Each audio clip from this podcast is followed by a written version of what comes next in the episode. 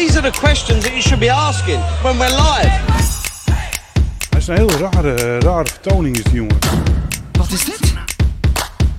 He's like Stuttgart at the moment. VfB Stuttgart can beat Bayern Munich. Vrienden van de darts, van harte welkom bij uh, Double Top, de darts podcast der lage landen. Welkom opnieuw in de setting van Friends of Sports, want uh, zoals beloofd werd er dus een voorbeschouwing op het WK beloofd. Dat hebben we hier al reeds uh, gedaan in deze studio. En er ging dus ook een nabeschouwing komen. Bij deze zitten we weer aan, aan de tafel. Goed, ja mensen, de dartswereld is een nieuwe wereldkampioen rijker. Dat het een Luke ging worden, dat was meer dan duidelijk. Dat stond bij aanvang van de finale vast. Maar welke Luke ging het dus zijn? De amper 16-jarige Littler bij zijn debuut-WK of Humphries de grote favoriet voor aanvang van het toernooi met de drie eindzeges in de laatste vier majors? Het werd dus die laatste. Het werd Humphries. Alleen al over het parcours van beide heren. En over die finale zelf valt heel veel te zeggen, net als veel andere dingen van het voorbije WK. We gaan er snel invliegen. En vanuit Nederland is uh, mijn co-host Damien er weer bij. Damien, uh, eerst en vooral mijn beste wensen ook voor u. Ja, uh, hetzelfde, hetzelfde. En ook voor Mike en uh, Andy natuurlijk. Ja, absoluut. Damien, hoe heb jij het WK beleefd? Ja, ik, ik heb genoten. Ik heb het voor uh, Sportnieuws heb ik het uitgebreid uh, zitten volgen. Tussendoor ook nog podcast gemaakt voor Dubbel Top. Uh, natuurlijk dus een hele drukke periode geweest. Maar ik heb er wel echt, echt waanzinnig van genoten. Het is een waanzinnig drukke periode. Ja, het is een hele drukke periode. Maar ik ook wel een beetje blij dat het een beetje op zijn einde loopt nu. Maar ik heb er wel heel erg van ja, genoten. Je zei me gisteren nog, kan eigenlijk geen pijl meer zien. ik kan geen pijl meer zien, ja. Ja, ik ga volgende week uh, waarschijnlijk naar Q-School. Dus dan ga ik ook nog een hele hoop pijlen zien. Oké. Okay. Dus, uh, maar daarna, ja, daarna gaat het eigenlijk ook weer verder. Dan heb je weer de Toto Dutch Masters, heb je Bahrein Masters. Dus eigenlijk zit er geen pauze bij. Nee, nee het gaat uh, weer heel snel op, op gang ja. getrokken worden. de vorige keer zaten Francesco Plankaart en Kim Huibrechts hier. Vandaag hebben we voor twee nieuwe gasten gezorgd. En ik richt mijn blik naar de andere kant van de tafel. Want daar zit toch wel een zeer prominent figuur. Hij is net als mezelf een, een kopvleesfretter. Althans, zo worden Dendermontenaars genoemd. Ja. Ik ben daar ook van afkomstig. Hij vertegenwoordigde de arm der wet zowel voor als uh, tijdens uh, zijn loopbaan als acteur. Maar van Koen Bates is, uh, is geen sprake meer vanwege al zijn werk en andere werk dat hij nu heeft in de media.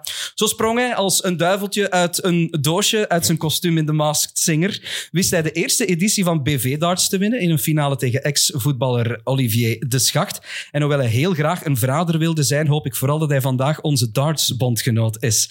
Hartelijk welkom, Andy Peelman. Hallo, hallo. Hey, ik ga direct beginnen. Ik ben super blij dat je die meneer hebt voorgesteld, want ik was mij al heel de tijd aan tafel af, aan het afvragen, wie is die zot? Maar dus uh, bij deze, hallo. zeg, ja, die zot is Damien Vlottes uh, ja, maar... en dat is mijn uh, collega bij Double Top, de ja. darts podcast die we uit de grond ah, gestampt hebben. Nu weet ik het. dat komt allemaal goed. En die zot ken ik goed, natuurlijk. ja, um, ja um, een extra zot aan tafel. Andy, ook voor jou mijn beste wensen. Ja, dankjewel, dankjewel. Merci. Ja, voor jullie ook. Hè. Wij hebben u uitgenodigd om, uh, omdat jij natuurlijk ook een link nu hebt met darts sinds BV Darts. Ja. Doe je het eigenlijk nog een beetje sinds je eindzegen? Te weinig. Ik, ik betrap er mijn eigen wel op. Uh, als er ergens een blok hangt en, en, en we hebben wat tijd, dan pakt al lekker een pijltje en dan begint het te smijten en dan kun je er ook niet meer mee stoppen, want dan wil je nee. verder doen. Ja. Dat is de vuiligheid aan die sport. Hè. Het is zo plezant en verslavend. Uh, en, en ja, het is eigenlijk heel fijn. Dus uh, als ik de mogelijkheid heb, doe ik het wel. Ja. En kijken doe je ook nog altijd? Ja, kijken doe ik ook nog. Ja. Fantastisch. Uh, met ook weer te veel enthousiasme, want dan ligt het te roepen in die zetel. En dan ja. denk ik, mijn vrouw, wat zeg eigenlijk om dan toe? Yep. Ja, zo gaat dat. dat is het. Zo gaat dat. Je gaat er uh, volledig in op. Nu, um, nog één vraag, Andy. Uh, uw bijnaam bij BV Darts was The Engine. Van waar engine. kwam die bijnaam? Ik ben een, een, een ongelofelijke petrolhead. Dus motoren vind ik fantastisch. Ik, ik rij graag met een auto met de motto. Alles wat aan een motor op zit, vind ik tof. Um, en ja, een, een motor, ja, dat, dat, dat, dat, dat, soms puttelt dat als je er verkeerd olie in kapt. Maar dat kan ook heel goed draaien als je er de juiste benzine in giet. Oké. Okay, en ja. vandaar die engine. Ik vond dat tof. Ja, want um, als ik Wikipedia mag geloven, heb Oei. je blijkbaar nog een andere bijnaam. Pele. Dat is Klop, van de voetbal. Klopt dat? Dat klopt. Ik zie hem daar hangen trouwens. Oei, sorry. Ja, ik... Uh, ja, ja, ik uh, ja, ik voetbal al sinds, sinds mijn vijf jaar. En er was nog een Andy in de ploeg. En heel veel mensen, het is Andy Peelman, maar veel zeggen Peleman, Peleman. En vandaar Pele zag ik. En ik ben ook een ongelooflijk groot voetbaltalent. Dat heeft er natuurlijk ook mee te maken. uh, en vandaar is eigenlijk gekomen, ja, heel veel mensen in de streek noemen mij altijd Pele. Ja, toffe Andy. bijnaam. Ja, ja, ja, ja leuke bijnaam. Ja. Oké, okay, goed. Um, ja, beste mensen, tot slot verwelkomen we ook nog weer een darts-topper aan onze tafel. Zijn verhaal is eigenlijk best opmerkelijk, want uh, zo verloor hij normaal gezien zijn tourkaart gehad aan het einde van het jaar 2021. Maar doordat hij als eerste reserve werd opgevist om alsnog mee te doen aan het WK, redde hij op die manier zijn profstatuut. En sindsdien is het alleen maar crescendo gegaan. En vertoeft hij nu, op het moment van opname, zelfs in eh, de top 40 van de wereldranglijst. Het afgelopen WK, dames en heren, werd niet het WK van de Belgen. Daar moeten we eerlijk in zijn. Maar de man naast mij is wel de persoon en de enige persoon die voor een eh, Belgische zege op dit WK heeft, eh, heeft gezorgd. Hij is dan ook de real deal om aan deze tafel aan te schuiven. Dag Mike de Dekker. Hallo, Matjas. Ça va met u? Ook mijn beste wensen voor jou, Mike. Ja, hetzelfde. Ja, alles ça va. Alleen mijn stem een beetje... eh, Ja, ik hoor het. niet, niet 100%, maar voor de rest top. Weer te ruig geweest in het uitgaan? Of? Nee, nee, valt goed mee. Eh, een beetje een periode van, van het jaar, denk ik, dat iedereen zo wat ziek wordt. En bij mij eh, slaagt het op mijn stem. Dus eh, Ja, nee, geen enkel probleem. Eh, Mike, ik verwijs naar dat, dat ene WK waar jij werd opgevist. Kan jij nog dat moment levendig herinneren? ik kan me dan nog... Dat was 6 december dat ik werd gebeld. En dat was gelijk een klein kind. Maar ja, dat, dat betekent veel, hè, het WK. Dat maakt of kraakt een jaar. En ik was er niet bij en ik stond op punt om mijn tourkaart te verliezen. En dan op 6 december kreeg ik telefoon. En ik zat toen nog bij mijn ex in Holland. En eh, die lag te slapen. En ik eh, kreeg die telefoon en ik was, ik was redelijk blij. En die zei, hey, je wil reis normaal doen? en eh, ah ja, dan, dan legde ik het daaruit van, van hoe en wat. En, en ja, dat heeft mij een beetje een boost gegeven, denk ik. Want ik stond wel op punt inderdaad voor terug naar Q-school te moeten. En ik dacht met plaatsing WK dat mijn tourkaart safe was, maar dat was niet. En eh, ik moest toen tegen Ja, Labanauskas. Darius Labanauskas. En, maar ik dacht dat ik al safe was. Dus ik stond eigenlijk redelijk relaxed op dat podium. En ik won. En ik zag mijn manager toen ja, helemaal flippen. En ik dacht, kerel, doe eens normaal. Ja, ik win één wedstrijd. En dan zegt hij, ja, nee, is je tourcard safe. Ik dacht, die was toch al safe? En hij, nee, nee, nee, je moest deze winnen voor je tourcard. Zei, oh. Dus ja, Eigenlijk nog een geluk bij een ongeluk. ik zeg, het is goed dat ik dat niet wist. Zeg, want dan had ik sowieso met veel meer stress Had dat een invloed gehad op je prestatie? Sowieso. Ja. Sowieso. Maar ja, je tourcard, ja, dat beslist of dat je prof bent of niet. Hè? Ja. Dus ja, als je geen tourcard hebt, dan is het eigenlijk quasi onmogelijk voor ervan te leven. Dus ja, de- als ik daar op voorhand had geweten, dan, eh, Ja. dan had ik met serieus veel stress op dat podium gestaan. was trouwens een heel speciale wedstrijd. Ik weet niet of velen zich dat nog kunnen herinneren. Negendarten, toch? Eh, maar Mike krijgt Ja. een negendarter rond zijn oren van die Labanauskas. Klopt. En eh, ja, ik had eigenlijk in die eerste set... Maar ik heb dat altijd op een WK. Altijd in sets. Ik, ik, een eerste set is nooit iets, iets voor mij. Maar ja, hij gooit die negen darten voor die set te winnen. En we gaan van dat podium. En hij zegt van ja, ik heb enorm veel adrenaline. En, en, ik hoop dat ik dat kwijt raak. En ik dacht, als je daar niet mee om kunt, dan, dan ja, weet je, niet iedereen kan even goed met adrenaline om. En dat bleek ook, want zijn spel ging naar beneden. Ja. En, en dat En nu van mij- spelen naar boven. en Ja. mijne werd beter en ik won 3-1. Dus Ja, die klopt. 39, dat heeft wel een hele, een hele wedstrijd volgens mij met hem toch Maar in dat, zijn kop dat zie je vaak. Hè? Iemand die een negendarter gooit, dat die te extatisch is Mm, nadien om het hoofdje nog koel te houden. En heel vaak zie je dan de persoon die de negendarter gooit, die verliest. Maar als je, als je zijn reactie ziet, nadat hem die 39 gooit, zou je niet zeggen dat hij hè, uitbundig van... eh, Zo is zij ook niet. Hè? nee, Het is ook hij een beetje dooi, cool. Ja, daarom. En, en praten jullie gaan van dat podium tussen die twee, eh, tussen sets zo. Praten jullie dan? Dat vraag ik me ook altijd af. Het zijn er bijna dat proberen. Eh, ik heb dat... ehm met wie heb ik dat gehad? Eh, met Horvat. Nu, mijn eerste ronde WK. Eh, ik win die eerste set. En ja, je wordt eigenlijk achter het podium, is er ruimte. Maar je zit er met twee in. Ja. En die wou gelijk tegen mij... Ja, hij wou eigenlijk iets zeggen. Maar op dat moment heb ik er geen behoefte Ja. aan. Want je weet nooit wat dat hem gaat zeggen. Ja, Dus eh, dan heb ik gelijk gezegd, je moet tegen mij niks Echt, zeggen. Ja, ja, ja. Nou, dat, ja iedereen gaat ermee om op zijn manier natuurlijk. Ja. Ja. Ehm, Damien, jij bent een beetje mijn eh, darts-encyclopedie. Ik, heb een quiz- ik heb een quizvraag voor jou. Oké. Eh, Spannend. Zoals we net zeiden, Mike werd eh, opgevist als eerste reserve, dus er was een afzegging. Weet jij wie dat de persoon was die niet Oh. naar Ali is afgereisd toen? Zo. Dat was eh, niet kleermaker, dat was het jaar daarvoor. Ik Was zal u een een Chinees? voorzet geven. Het was een Zuid-Afrikaan. Een Zuid-Afrikaan. Oh, dan was het... eh, het was ook niet Carolissen. Nee. Die zijn God, dreadlocks? eh, Nee. Ja, ik weet het. eh, Losper? Ja, Losper? Charles, Losper. Ja? Vrij onbekende naam. hoor. Dat is een zot, jongen. Dat is een zot. Vrij onbekende naam, maar effectief, die was dus geplaatst in Mike. Ja, Die mocht je vervangen. Ja. Ja, dat- Maar die kon niet afreizen vanwege... Maar dat wa- visumproblemen. Ja, visum. Visumproblemen. Maar dat was toen de, de periode met corona. Mhm. Hè, dus eh, ik moest dat kwalificatietoernooi spelen en ik verloor plaatsingwedstrijd. En omdat ik hoogst gerankt was van allemaal, stond ik eerst op de reservelijst. Ja, Ja, voor mij zijn alle drie, die reserves zijn alle drie nog opgeroepen, hè?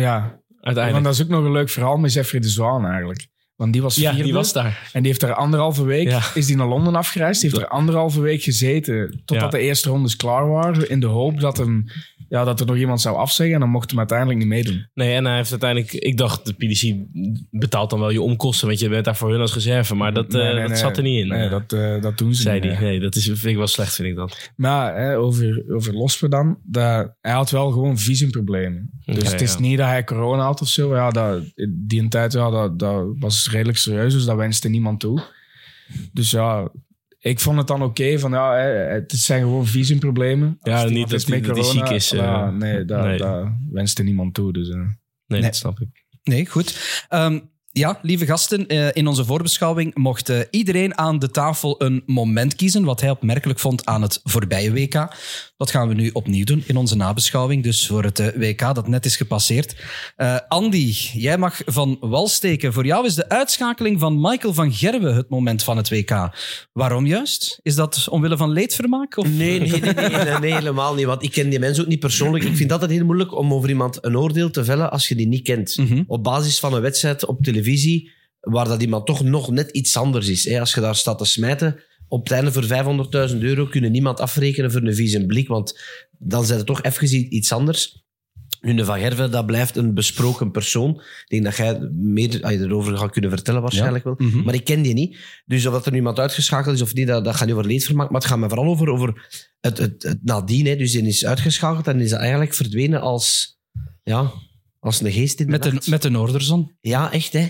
Ehm, en ik had dan gehoord ergens dat er nog zou afgestraft of bestraft kunnen worden, maar dat snapte ik niet helemaal. Daar had jij mij wat uitleg moeten over verschaffen, denk ik. Ja, ja, in principe moet je eh, bij de Nederlandse... Ik weet niet of dat, hoe dat in België zit, maar in Nederland als je verliest als Nederlands speler moet je wel in principe de Nederlandse pers alsnog te woord staan. Terwijl- Verplicht. Verplicht, ja. Terwijl dat normaal, eh, normaal hoeft dat niet. En hij heeft daar nu van afgezien. Dus eh, normaal krijg je dan altijd een boete. Alleen Viaplay zal geen, eh, zal geen klacht indienen tegen Van Gerwen. Hij is daar natuurlijk ook wel eens de gast in de studio. Dus, Ja, eh. En anders denkt Van Gerwen elke keer van als het niet hoeft, dan kom ik niet. Natuurlijk, ja. Voilà. Natuurlijk scheppen ze dan geen precedent, want uiteindelijk zegt dan vanaf nu iedereen, ik heb er geen zin meer in, ik doe het niet.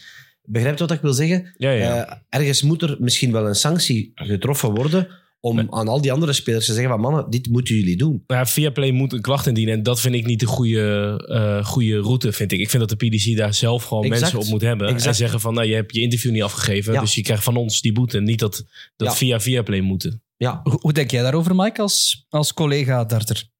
Ja, ik zal altijd een interview doen. Eh, ze geven nu normaal gezien na een wedstrijd, als je verliest, geven ze ook even de tijd. Je kunt ook zeggen van, Ja, 20 minuten heb je. ja, als je van het podium gaat, kun je het gelijk doen. Of je krijgt inderdaad 20 minuten. Ja, weet je, het is zuur dat je verliest, maar zij op zijn minst een beetje professioneel. Hè. Die mensen zorgen wel voor, voor naambekendheid, voor de sport en voor u. Doe dan op zijn minst gewoon een interview van vijf minuten en zet daarna dan zuur. Je. Maar misschien verdween hij met de Noorderzon omdat hij dringend naar het toilet moest. Want het gerucht gaat de ronde dat er een, eh, een hamburgertje van Nando's eh, slecht bevallen zal zijn bij Ja. Ja, maar hij is volgens mij wel gelijk. Is hij in de taxi gestapt. Dus eh, zo ho- hoog was de nood eh, ook Dan niet op dat Nee, dat moment. zal ook niet. want Inderdaad. Maar is dat in België ook zo? Dat stel je verliest, moet je dan ook een interview aan VTM geven? Normaal gezien doen we, hebben we het eh, dit WK continu gedaan met, eh, met Zoom-calls. Oké. Ja, dat was ook geen... eh, ik zit enthousiasme. Dat was het niet, man. Nee, maar dat, wa- dat was het ook niet. Want de eerste keer, ja, je mag het gerust weten, na mijn winstpartij, ik kom van dat podium en ik zit in zo'n grote hal. Ik word er op een kruk gezet en voor mij staat zo'n bak waar dan allemaal kabels in zitten. Daar wordt een laptop op gezet Ja. en die is gewoon met, met wifi-verbinding. Ja. Dus ik zit in zo'n Zoom-call. Ja, ik- eh, dat is het enige dat ik hoor. Ja, dat, dat is het niet. Verschrikkelijk, ja. Ja. Nee. Oh, hoezo sturen jullie niet gewoon, eh, moet ik naar jou kijken, een verslaggever? eh, Kost geld, hè, naar- maat? Ja, dat kost geld, maar het is hartstikke populair, toch? Ja.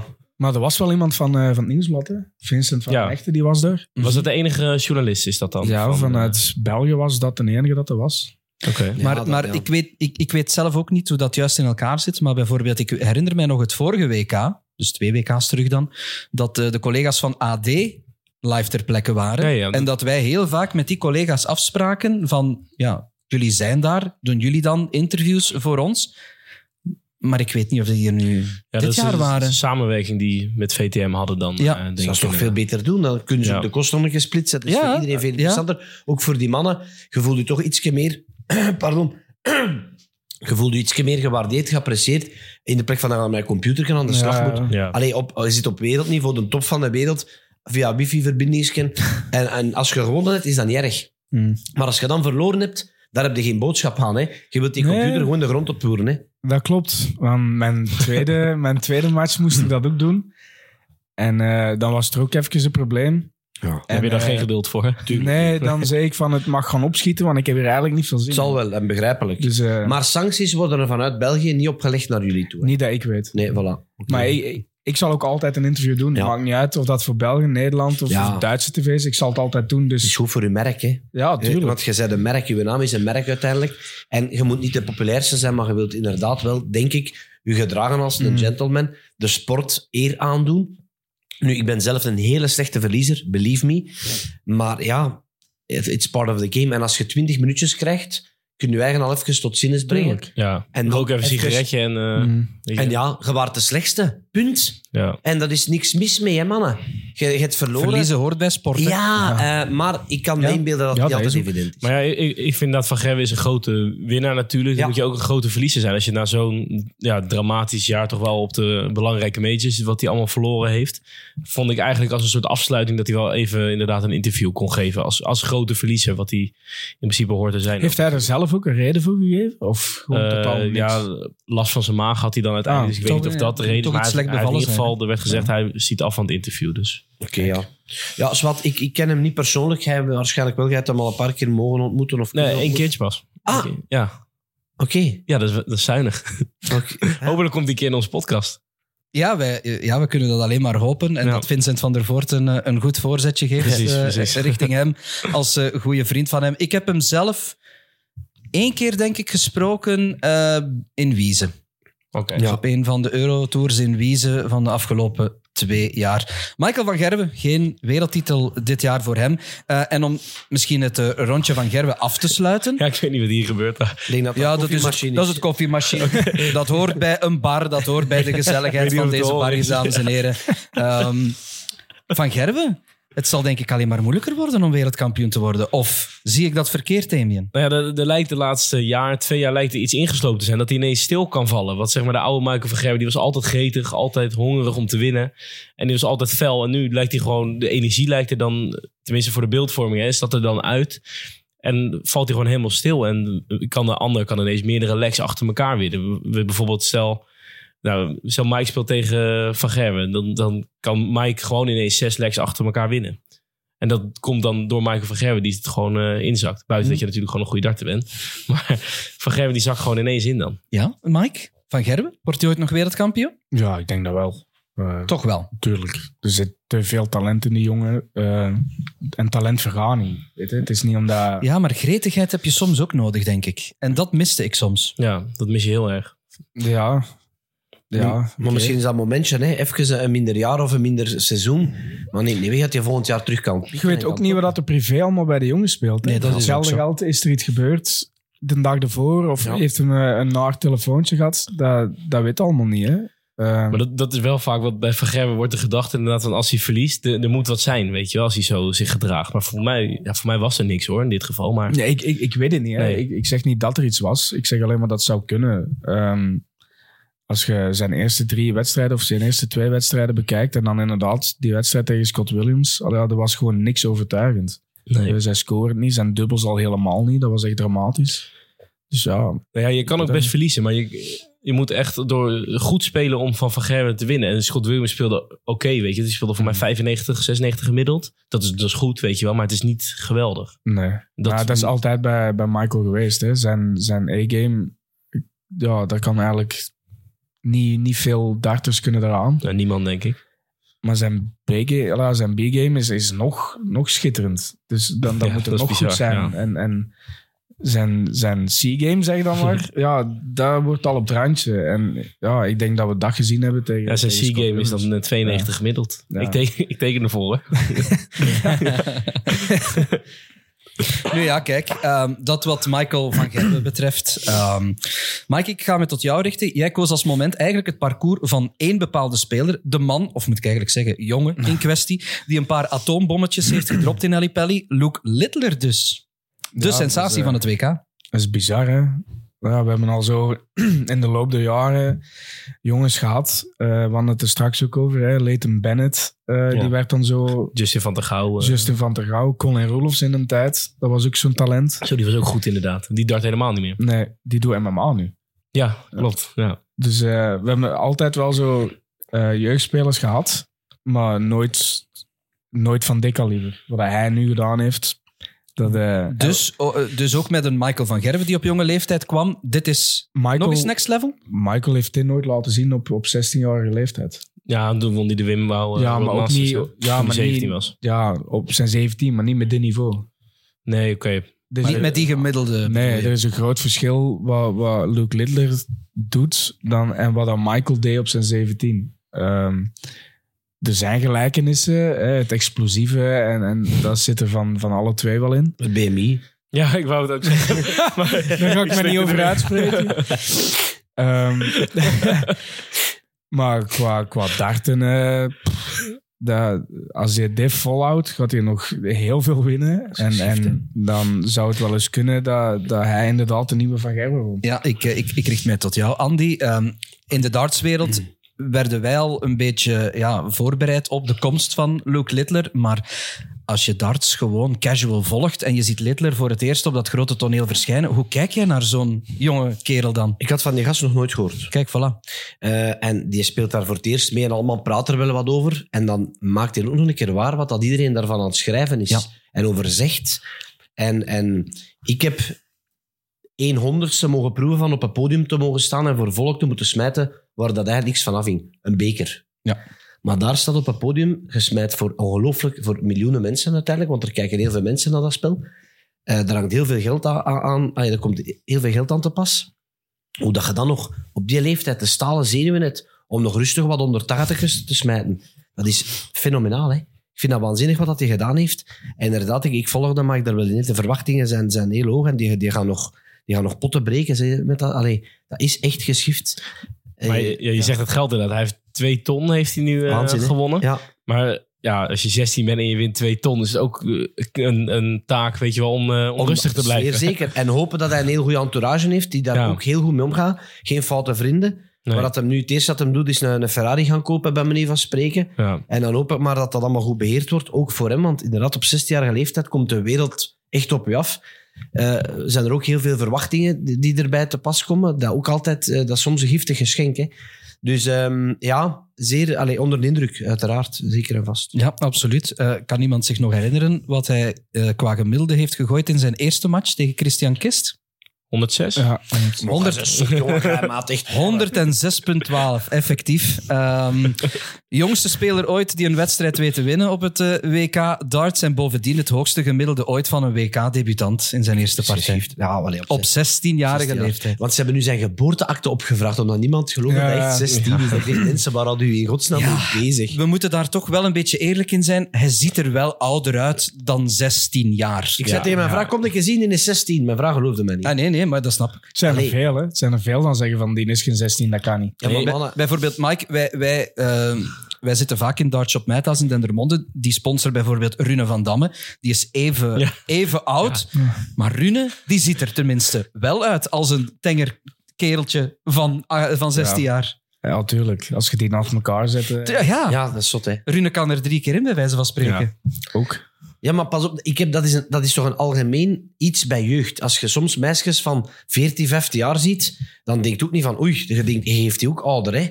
Eh, het, het is anders. Hè. Bij vrouwen eh, zien er al iets opgemaakter uit. Zien er misschien appetijtelijker uit dan Littler, dan om het zo te zeggen. Maar eh, in We zee hebben het over meisjes van 14, 15. Op het ja. Ja, Maar ik wil maar zeggen, het, het, Het, het is net hetzelfde. Dat zijn geen kinderen meer. Hè? Nee. Hetzelfde met die Littler. Dat is geen kleine gast van 16 meer. Hè? Dat is al... Maar in zijn hoofd wel natuurlijk, hè? Wat zeg je? In zijn hoofd natuurlijk is het nog wel waarschijnlijk. Tuurlijk, maar maar hij doet het toch maar. En zijn hoofd staat in daar maar. En hij staat wel heel matuur, vind ik. Ook in zijn interviews, moet ik wel zeggen. Je staat daar te smijten voor 500.000 euro en je ziet dat dat niet aan dat dan een jonge kerel is van 16. Dus in, in zijn hoofd staat hij ook al verder. Hè? Mhm. Zie je dat klein manneke van 16 in Dendermonde daar al staan? Op hetzelfde podium. En het is exact ja. hetzelfde. Dus dat is waanzin. Het is echt waanzin. ik denk dat we daar nog het een en het ander van, eh, van mogen verwachten. Zeker en vast. Ja. Ja. Mag ik ook een quizvraagje aan, aan jullie stellen? Aan mij niet, maar doe maar. Oh, oh. Wie, is, wie is op dit moment de jongste wereldkampioen ooit? De Jelle jongste. Ja, de Klaas inderdaad. Die werd het eh, op 21-jarige leeftijd. Gaat Lidl dat verbreken, denken jullie? Ja, ik denk dat wel. Scheelde geen haar. Ja. Scheelde toch geen haar. Nee. nee. En hij heeft dus nog een paar jaar. Hij heeft nog Hij is vier eh, jaar. 16, hij wordt er binnenkort 17. Dus hij heeft nog een paar jaar om dat te proberen. Dat gaat hem lukken. Ik denk dat wel, ja. Alles staat en valt met zijn Eigenlijk, eigenlijk is de jongste wereldkampioen Bo Greaves. Hè? Ja, ja nee. eh, Bij de vrouwen dan enough. wel natuurlijk. Ja, maar dat maakt toch niet uit? Ja, dat maakt niet uit. Dan- Dus dan is het eigenlijk Dus Bo, Bo Greaves. nou, Die is 19. ja, Bogelies. Want Nee, dat is ook zo... Mike, Mike denkt er anders over. Nee, ja, ik vind het eigenlijk ook anders hoor. Nou, ik vind ook van niet. Ik vind niet... Ja, het is nu eenmaal zo. Het niveau bij de vrouwen is ook gewoon ja, minder. Weet je, je hebt Bo Greaves die er echt met kop en schouders bovenuit steekt. Fallon Sherrock, die zit daar dan onder. En Suzuki dan, zit daar nog onder natuurlijk. ja, en dan hebben zo Suzuki, Lisa Ashton, zo die, die De garde. Maar dan, ja, ik vind niet dat je dat kunt vergelijken. Hoe komt dat? Ja, ik weet dat niet. Eh, Want bij atletiek heb je spiermassa, om maar iets te zeggen. Mhm. En voetbal hetzelfde. Dus dat je zegt, oké, die presteren dan minder groots dan mannen, om het zo te zeggen. Maar bij darts, no offense, maar daar heeft het niet met spiermassa te maken. Concentratie, muscle memory, wel oké. Maar ik denk, hoe komt dat? ik dat denk die- dat de enige verklaring is dat inderdaad die muscle memory dat dat bij mannen beter is dan bij vrouwen. Ik zou het anders ook niet weten, want het is gelijk dat gezegd is maar iets van, van tussen 20 en 25 gram van 2,37 meter naar zo'n bord gooien. Dus het is inderdaad niet dat je er moet voor gaan power trainen. Maar ja, dus ik denk dat dat misschien de enige reden kan zijn. zou te maken hebben, want de Erik vertelde onlangs, en ik, ik, ik volg hem daar wel wat in, dat vrouwen blijkbaar toch wel wat meer onder vrouwen blijven smijten, blijven darten, waardoor dat ze eigenlijk in datzelfde potje blijven zitten en hun niveau op dat niveau houden. Dat ze eigenlijk meer met, met mannen of boven hun niveau zouden moeten Ja. smijten. Zou dat helpen? Ja, ik denk dat wel. Eh, weet je, dat was nu met Bo Greaves ook. Eh, Bo Greaves had eh, gezegd van ik doe het PDC-WK bij de mannen niet mee. Maar ja, die weet ook, Nou, die kiest voor het geld. ja, als, als je het, het WDF-WK bij de vrouwen wint, heeft ze 25.000 pond. Ja. Ja, Daar moest ze al in het PDC-WK de derde ronde Ja, maar als, zoiets. derde als, ronde. zij, eh, Dus twee wedstrijden winnen. als zij twee wedstrijden wint, of één wedstrijd wint, dan gaat zij hetzelfde circuit af wat Sherrock heeft gehad. Hè? Al die demonstratietoernooien, dat heeft ook ja dat, al die dat, World dat ben ik Series. niet zeker. Want Stel dat zij de laatste 16 haalt bijvoorbeeld, dan krijgt ze echt wel World Series en zo. Hè? ik weet dat niet, want ze hebben uh, Fallon Sherrock echt ja, proberen uitmelken. Wat ze nu met Lidler gaan doen. Ja, Ja. En, en ja, je moet ook de kat de kat noemen. Fallon Sherrock ziet er voor het publiek gewoon beter uit als Bo Greaves. Ja. En ik weet niet of dat Bo Greaves hetzelfde effect zou hebben als Fallon Sherrock. Want Fallon Sherrock, dat was echt een hype. Mhm. Iedereen zat erop en iedereen was oh, eh, top en dit en dat. En dat zag de PDC ook. En ik ben niet 100% zeker dat Bo Greaves datzelfde effect zou hebben. Maar mogen we misschien ook even, even stellen dat Bo Greaves misschien een betere carrièreplanning doet? Dat zij echt zegt voor haarzelf, ik ben nog maar 19 jaar, ik heb nog tijd om te groeien, ik heb nog tijd om voor een tourkaart te gaan, om nog eh, jaar in jaar uit mee te doen bij de PDC. Doet zij het dan beter of niet? Dat zou kunnen. Ja, Sherrock is gewoon Tijd commercieel. nemen. Sherrock doet het commercieel, doet ze het. En Bo Greaves doet echt voor het darten. Ja. Ja. Ik denk dat dat het verschil is. Het zou mooi zijn voor de sport als er toch echt een vrouw mee kan. Mee Ja, kan ja. En ze kan mee hoor, dat heeft ze echt in haar arm hoor. Ja, Ja, maar, ja. ja. maar ze, Ja. ze heeft wel eh, ja, een bepaalde entourage ook om zich heen die ook niet helemaal top is, denk ik. Eh, ik twijfel nog een beetje bij haar. Verwijs je nu naar haar zus? ik verwijs zo, naar haar zus, eh? ja. Moet ik daar iets van weten? Want dat weet ik. Die, die, moet je eens, die moet je eens opzoeken op Instagram. Bobby is. Bobby, eh, hè? Ja. Dat is een, speciaal type. Maar als je dat heet het om je heen hebt, dat kan best wel tegenwerken, denk ik. Nou wil ik dat weten, een loosleers. Je, mo- je mocht ze straks opzoeken.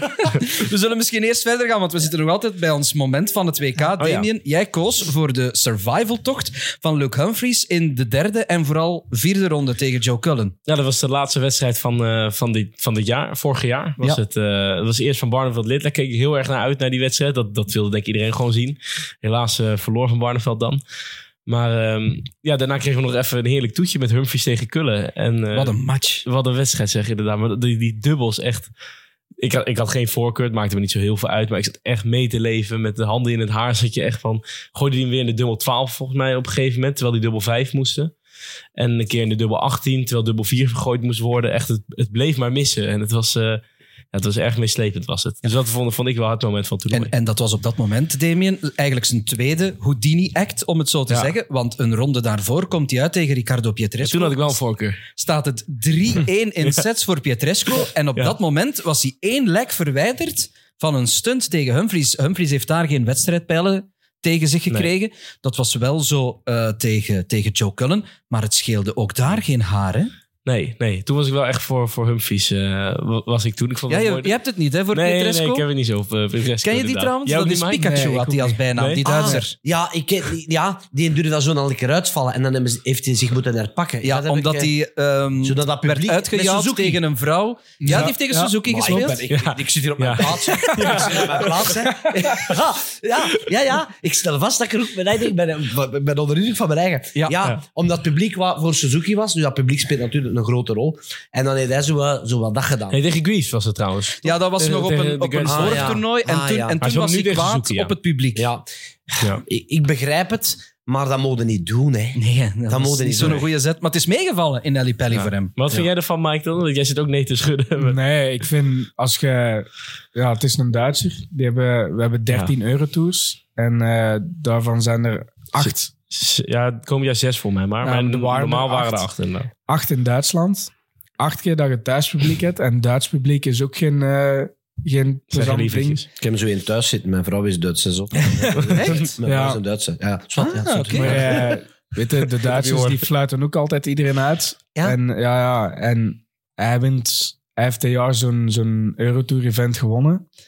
En dan was het publiek tegen elke tegenstander van hem ook zo aan het doen.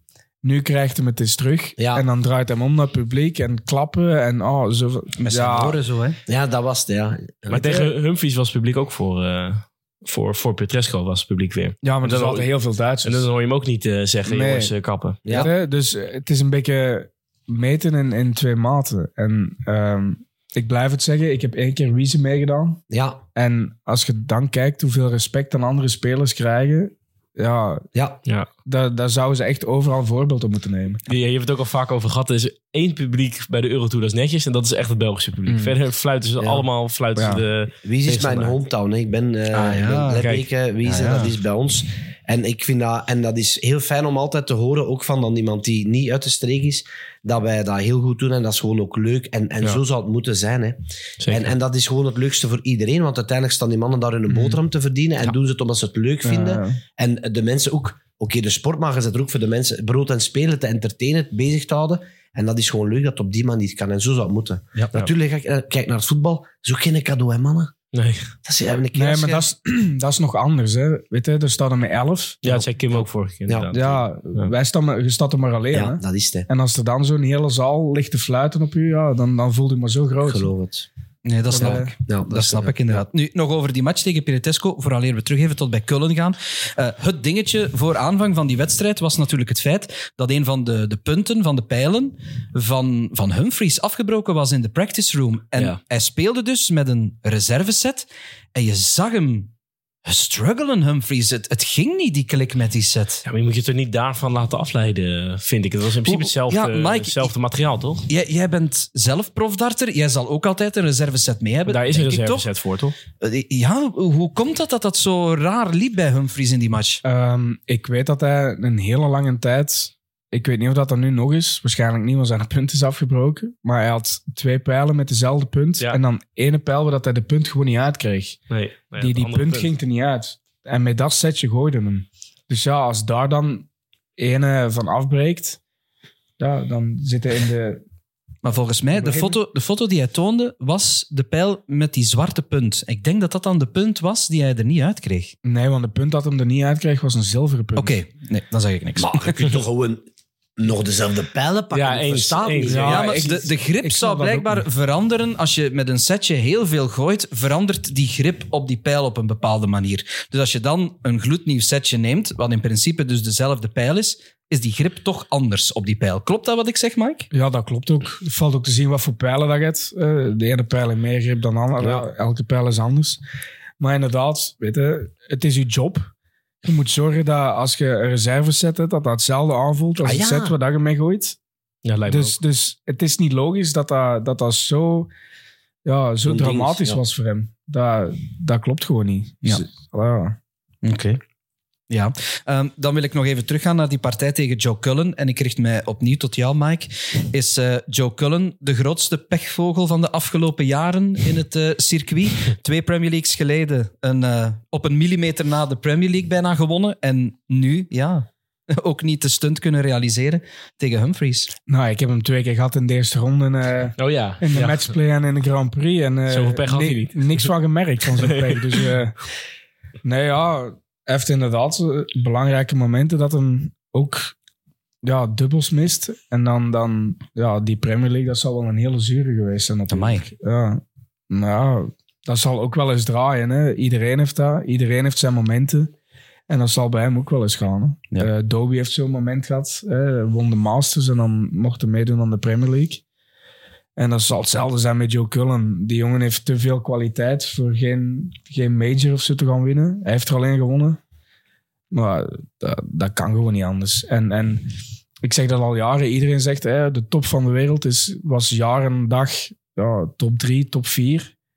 Dat is gewoon niet meer. De top is zo breed geworden. En, en je ziet nu wel, hè, Littler begint aan het toernooi. En hij was 166ste van de wereld en hij stond in de finale. Dus ja, dat zegt genoeg. Hè. Nummer 166 kan ook van nummer 1 van de wereld winnen. Ja. Dus, En nu is hij nummer 31 van de wereld. Ja. ja. Gaat Eén toernooi meegedaan. Ja. En, en dat is logisch, dat kan, dat is normaal. Of is dat gewoon met dat te vieren, ah, we gaan hem nu op 31 zetten? Nee, nee, dat dat is op- met punten. Ja, Prijzengeld. is- Ja, Prijzengeld. Dat is oké, op prijzengeld, op het verdiende prijzengeld. En dan, dat, de, nu heeft hem hè, 200.000 gepakt met 2K. En dan volgend jaar het WK, alles wat dat hem daar pakt, komt er gewoon bij. Ja, ja. Maar het WK nadien, dat is een beetje gelijk in de tennis. Je moet om de twee jaar moet je, je geld verdedigen. Ja. Tennis is één jaar natuurlijk. Ah, ik dacht ook twee jaar. Ik dacht dat tennis ook twee jaar was. Ik dacht één jaar, maar dat... Ja, ja. Zwart, één, twee Ja. jaar. Bij ons is het twee jaar. En, ehm, dus ja, dan moet je dat gewoon verdedigen natuurlijk. Hè? Want Ja. hij heeft ehm, Peter Wright gehad. Peter Wright moest zijn winst van twee jaar geleden verdedigen. Die verliest de tweede ronde. Dus er ging 485.000 pond van zijn ranking. Ja. Het is niet dat En die maakt niet, een tuimeling van Ja, vier, dat vijf dat plaatsen. moet teruggeven, Nee, nee, maar, maar ja, het komt wel Daar van wordt ranking. Dus eh, om u nog een voorbeeld te geven, eh, twee WK's terug eindigde Dimitri dus bij de laatste vier, bij de halve finales. Mhm. Hè.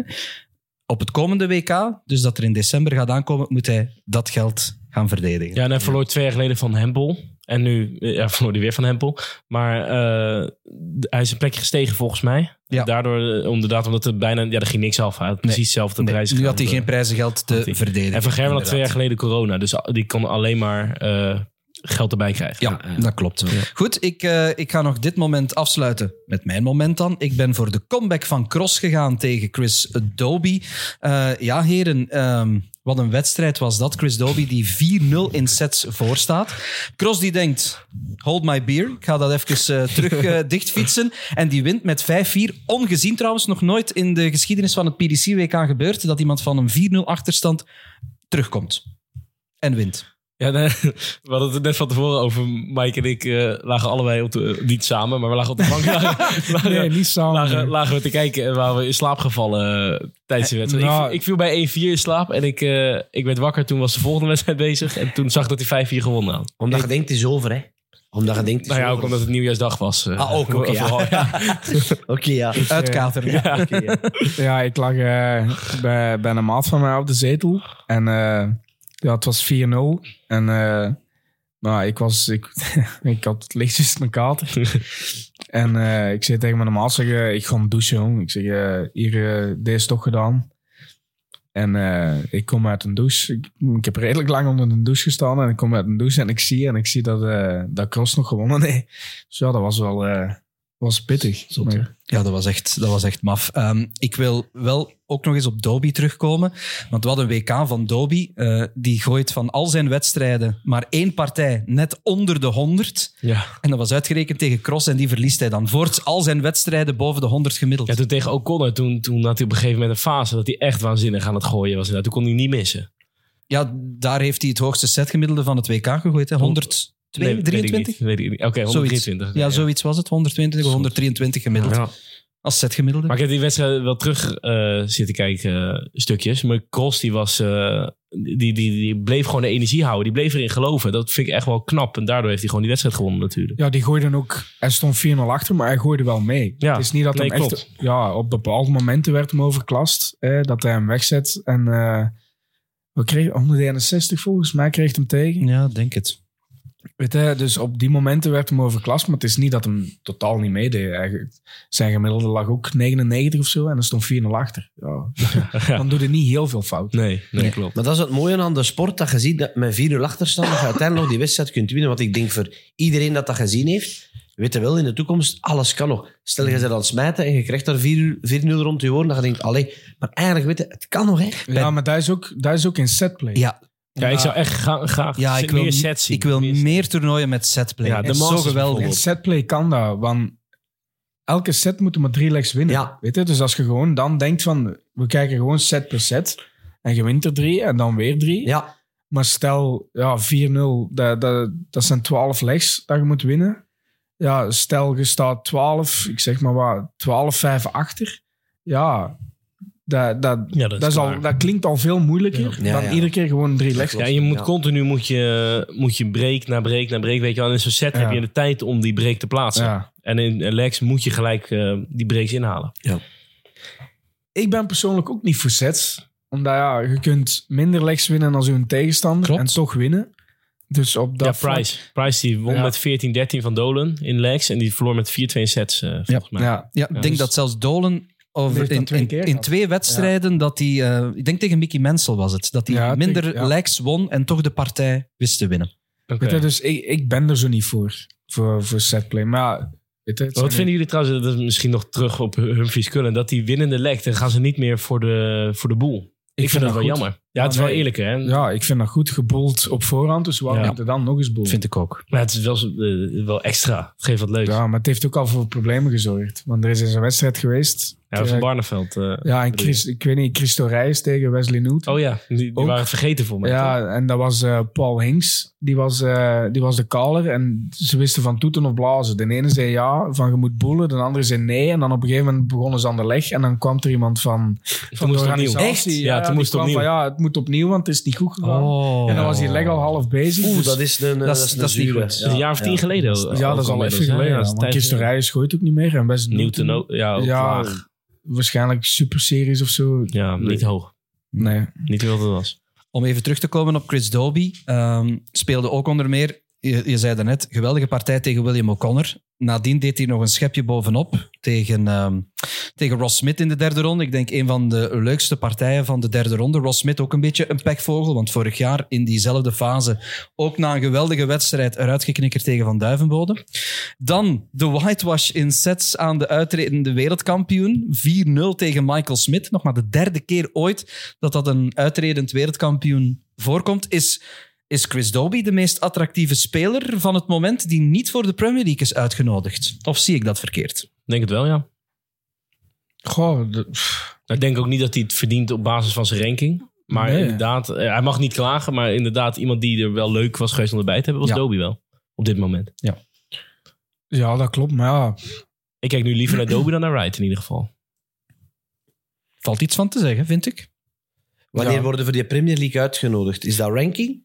Eh, dat is dus eh, de top vier van de wereld. Ja? Wordt automatisch uitgenodigd. En Ja. dan worden er, zoals dat wordt gezegd, vier wildcards uitgedeeld. Dus dat is gewoon Dus- lekker als ze denken. Het is een invitatietoernooi. Ja, twee van de PDC en twee van Sky Sports volgens mij. Die hebben maar zijn allebei er nog twee acht plekken. of zijn het tien? Het zijn er Nee, acht. acht en acht. Vroeger waren het er tien. Dus dat kan goed zijn dat ze zeggen, Mike, Ga maar Tuurlijk. afkomen. Tuurlijk. Als Mike 3-9 dat ze achter elkaar had gegooid, bijvoorbeeld op het WK, dan hadden Of als Mike inderdaad eh, Michael Smit had eh, uitgeschakeld. Ja, ik denk het niet, want ik ben niet zo'n excentriek persoon op, eh, op het podium. En dat willen ze wel. ja, ze willen een, publiek, een publieksterker. Ze willen iemand die, Ja. ja. die tot de verbeelding spreekt. Daarom, weet je, publiek Dimitri- lokt. Dimitri is daarvoor een hele goeie. Weet je, die doet dat dansje. Ja, Het zijn er heel veel het niet leuk vinden, maar het zijn er ook heel veel dat het wel leuk vinden. En, en dat is wel een pluspunt ja, om dan World Series, de Premier League, ja. zo die invitatietoernooi. Maar ja, mensen vinden dat wel. Ja. en hij is heel, het goed, blijft- met, hij is heel, goed, eh, heel goed met pers, is hij ook, Ja. Van den Berg. Die kan echt de sport goed promoten. En ja. Danny Noppert staat bijvoorbeeld zevende op de wereldranglijst, maar die is totaal niet attractief. Nee, Dus Nee, die is ook echt saai om naar te kijken. Ja, Vind nou, saai vind ik niet, maar- Ja, jawel, ik vind dat wel. Ik vind Noppert echt saai om naar te kijken. Het- het- Want Ja. is Gewoon natuurlijk... alles, hoe dat hij er staat, hoe dat hij... Ja, nee, dus ik, ik, vind hem Ah, saai. ik, ik, ik, kan me, er- ik stoor me er niet aan. Ik heb wel Nee? andere spelers. ik, ik- stoor mij er ook niet aan, maar ik vind hem gewoon saai. Als hij moet spelen, dan zap ik eerder weg dan dat ik blijf kijken. Oké, Arme ja. Danny. Niks persoonlijks hoor, Danny. Nee, maar dat is, dat is niet persoonlijk. Maar ik Danny een beetje steunen. Weet je, en ik vind Chisnell dan ik weet niet hoe leuk om naar te kijken. Ja. En dat is Ja, dan gewoon puur omdat... De, ja, die steekt stoten uit. Ja, maar arm. die, die, dat vind ik meer storen. Die loopt de hele tijd terug. Die gaat de hele tijd wachten als het publiek een beetje boel roept. Ja. Dat, dat, dat duurt veel langer dan, eh dan Noppert, hoor. Want ik denk Ja. dat het een hele moeilijke is, want je staat daar een job te doen, je moet je focussen. En eigenlijk ondertussen wordt er van u ook verwacht om de mensen wat te entertainen Mhm. en, en het leuk te doen. Ja. Die combinatie is denk ik heel Ja, het moet lastig. Denk ik, toch? Ja. Moet gewoon niet, anders ga je dus jezelf te veel Ja, afleiden. maar je moet beide kunnen combineren. Ik denk dat ik Ja. het een goed zou kunnen en het ander zou het sukken. Ja. Ik zou dat publiek eh, goed bezig gaan en, en mij ook amuseren, maar ik ga, ik ga geen honden met smijten. Ik denk dat dat... Kan je eh, dat, eh, Andy, publiek entertainen? Ik probeer Ja? dat af en toe. Echt? Ja, ik probeer Ah, dat, oké. ja. Wist ik maar, niet. Maar ik, ik, eh, ja, en dat is natuurlijk een dubbele, want je weet, ik moet dat ook doen, maar ik, je moet natuurlijk ook goed smijten. Dus ik denk dat dat niet simpel is. Nee, dat is ooit geweest met Justin Pipe. Die, Ja, die was ook zo traag. ja, was die, was echt traag en, en dat was echt voor, voor van in slaap te vallen. Ja. Maar die was op een gegeven moment... Nee, maar die had op een gegeven moment een heel goed jaar. Ook op de vloer. Dat was nummer één van de vloer. En die deed gewoon goed. Nummer 8 van de wereld zelfs. Ja, en, eh, maar dan werd er duidelijk tegen hem gezegd... al word jij nummer één van de wereld... dan veranderen, veranderen we de regels. Jij komt niet in de Premier League. Voilà, want jij zegt gewoon saai. Zot, hè. Ja. Dus die mannen beslissen alles, hè. Ja. Ja, Dat Ja. klopt. Je zet er ook maar een nummer. ja, ja dat het is ook maar- letterlijk en figuurlijk. Dat, Het is ook is gewoon een demonstratietoernooi, hè, de Premier League in principe. Ja. een heel goed betaald... Een heel goed betaald We demonstratietoernooi. komen, we komen straks zeker nog terug op de Premier League, maar ik wil misschien een minder tof thema aansnijden, dames en heren, want ja, het ene jaar is het andere niet. Vorig jaar waren we als Belgen extatisch, doordat we in de vierde ronde Kim tegen Dimitri kregen. En eh, we kennen het verdere verloop. Dimitri won en dartte zich zelfs tot in de halve finales. Dat was een geweldig WK voor ons Belgen. Ja, dat liep eh, deze editie eventjes anders, eh Andy. Ah, Daarom 2K kijk je naar van, mij zot. Ik was er niet, hè. Ik heb niet gesmeed. 2K van de Belgen, ja. Ja, nee, maar ja, je ja. hebt gekeken natuurlijk Ja. naar de Belgen. Hè? Ja, het, was een, een, een offenjaar. We zullen het even zo omschrijven. Hè. Ehm, Ja. Maar het is dan altijd heel jammer dat die dan eh, afgestraft worden op sociale media. Eh, Mike ook, de Dimi, Kim. Ja, kijk, het is een minder moment. En als het uw moment niet is, is het uw moment niet. En dan... eh, ja, om het heel plastisch te zeggen, slag je ballen tegeneen en gaat er volgend jaar uh, keihard tegenaan. Hè. Kijk, Eh, en je kunt geen minder moment hebben. iedereen zit het zich nu voor te stellen. Dat, is, dat is niet simpel. Maar ja, op dit toernooi ook, alle grote namen zijn eruit ge, uitgesodemieterd, om het eh, in jullie taal te Op zeggen. z'n Holland, ja. Ja, eh, dus, allee, maakt niet Elf, uit. elf reekshoofden, van Kijk. dus 32 reekshoofden, werden meteen uitgeschakeld. Waanzin, hè? En dan, dan zitten wij te kakken op die Belgen. Kijk, er zijn er nog anderen die eruit Nathan geflikkerd zijn. Espinal, Peter Wright, Noem- allemaal allee, gelijk gaan weet- zitten. Ja, dus weet je, eh, volgend jaar beter. En dan, dan ja, we mogen Ja. die man ook niet te veel druk opleggen. Die moeten amuseren. En wij moeten de, naar kijken en ons allemaal vermaken. Punt, jong. Maar het is toch een eer dat we dan de beste Belg van het WK hebben hier aan tafel Die hebben we hier zitten Nee. en, daar komen we, en daar komen we zo meteen. eh, hij mag het rijtje sluiten zo meteen. Eh, beginnen moeten we eigenlijk, vind ik, met Kim doen, omdat, ja, zeer jammerlijk om te zeggen, ja, die was Daar zijn we het snelst over uitgepraat. Ja. Die was niet op de afspraak tegen Ja, Veenstra. het, het was wat geflatteerd, want hij miste aan het begin die dubbels. In principe kwam hij de eerste set nog mee. Ja, De tweede en set dan was het gedaan. werd het problematisch. En dat zat zo in zijn hoofd dat die derde set was, was het echt was het niks meer. En ja, ik, ik vond het wel voor hem natuurlijk... eh, vorige keer zat hij hier, dus ja, je gunt hem ook het beste. Hoe, En, erg, eh, hoe erg moet dat eigenlijk zijn 9-0. als, als, als sporter dat je een volledige whitewash om de oren krijgt? Dus niet alleen in sets, maar dat je ook gewoon geen enkele lijk wint. Dus een echt complete, 9-0, ja. volledige whitewash. Ja, dat, eh, dat is, zeker maar, pijnlijk maar met volgens mij, zijn hoor. status inderdaad vooral. eh kijk, O'Connor won ook met eh 9-0 van, van Baf Patel.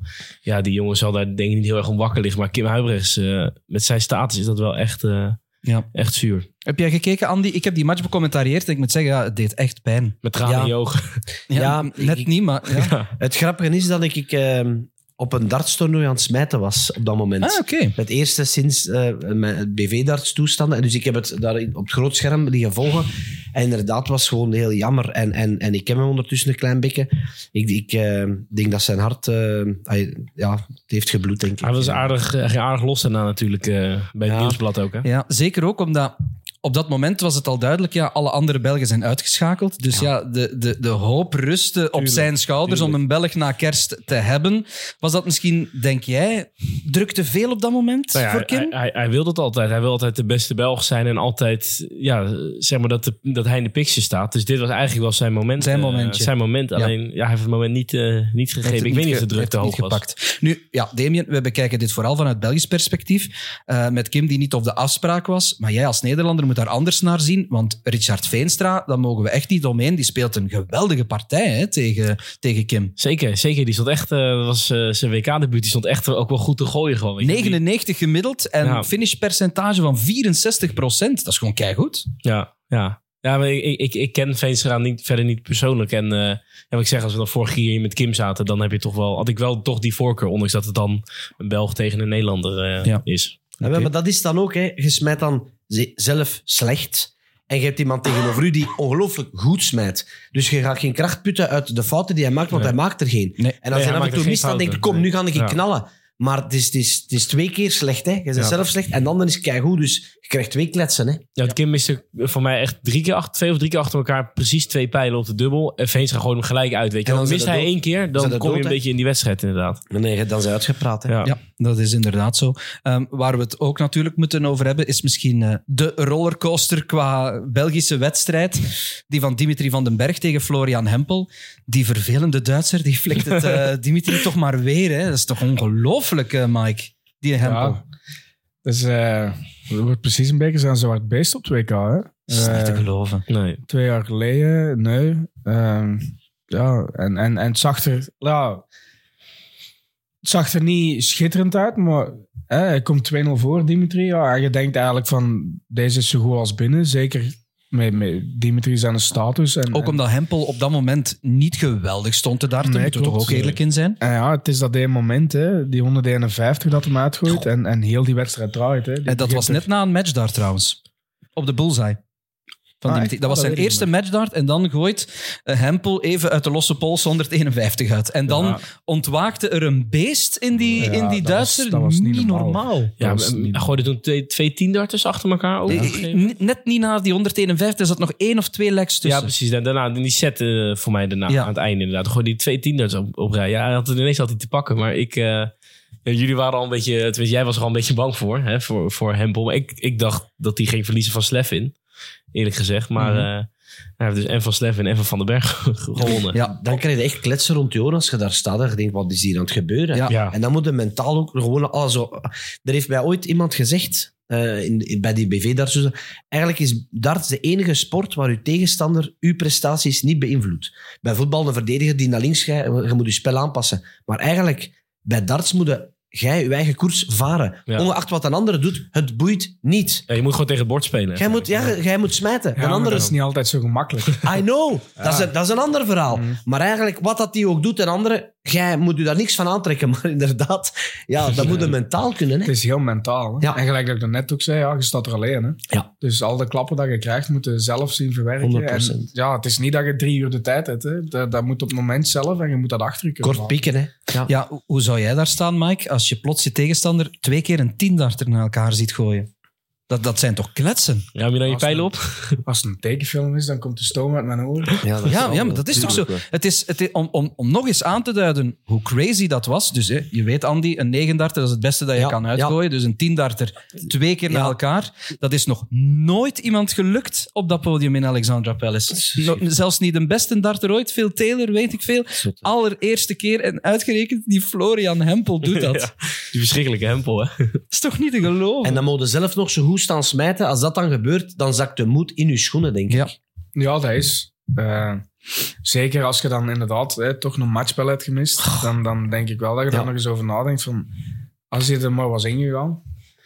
Maar ja, weet je, Dimitri is ook iemand, dat is een hele positieve jongen. Dus dat, dat zal even, denk 10 minuten een zure appel Ja. geweest zijn. Maar ik heb hem eh, volgens mij vorige week, of van de week ergens, aan een telefoon gehad. En die is al terug aan het trainen. Ja. Die, die, Maar dat is misschien de enigste juiste manier om dat even plaats ja, maar te- dat is, maar Ja. die, die kan dat zo makkelijk van zijn eigen afzetten. Ja, dat vond ik wel echt bizar. Want hij, hij leek helemaal niet te balen in het interview daarna. nee, ik maar ik heb, ook zijn. voor, ik heb ook voor het WK getraind met hem. En ik moet eerlijk zijn, eh, we hebben dat twee of drie weken gedaan. Dan ging ik drie, drie dagen in de week naar hem. En, en hij was gewoon niet goed. Hij was, hij was echt niet goed. Het, het ging niet. En, en eh, tegen het einde van de training was het beter.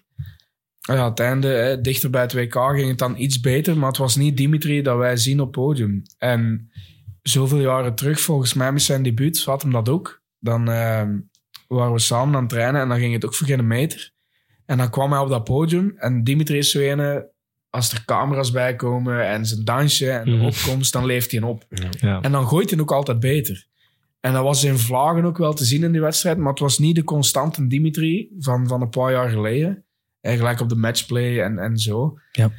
Dus ja, het zat er wel een beetje aan te komen, maar ja, dan 2-0 voor had ik het niet, niet verwacht dat hij Nee. ging verliezen. Zeker niet. Nee. Maar dat was ook wel kwaliteit van Hempel natuurlijk, hè? Tuurlijk. Die Ja, echt goed spelen. All credits naar, eh, Ja, naar zeker. Florian. Nu ja, eh, Mike Dimitri heeft wel gezegd dat hij gaat eh, proberen om uit een ander vaatje te tappen in 2024. Je gaf net aan trainingen. Hij heeft een moment gehad in 2023 dat hij zei van ik laat de pijlen even aan de kant. Nu heeft hij gezegd ik ga echt blijven, blijven doortrainen. En vooral wat heel belangrijk is, dat heeft hij meegegeven in, in, in de live die we op 2 januari samen becommentarieerd hebben.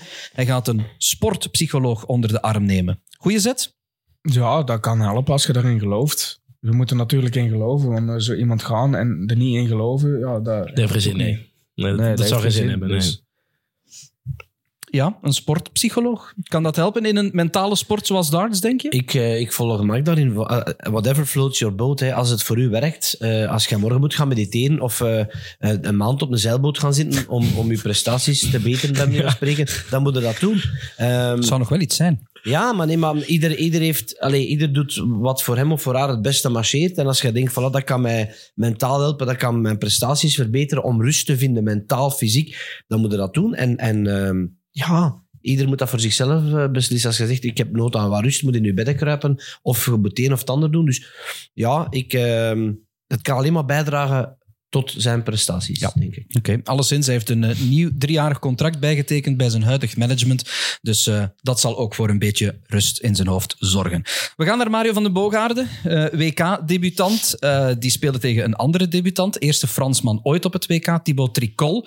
Eh, in onze voorbeschouwing hadden we daar op die stoel Francesco Plankaart, die voorspelde dat Mario van den Boogaarde de finale van het WK zou spelen. Winnen? Dat is, Dat zou winnen en ook. zou winnen zelfs. Dat is wel he- eh, heel eventjes anders gelopen. Ja, ja nee, dit is inderdaad is het even wat anders gelopen. Ja, jammer wel voor Mario, maar... Nu, eh, we hadden het over Dimitri al.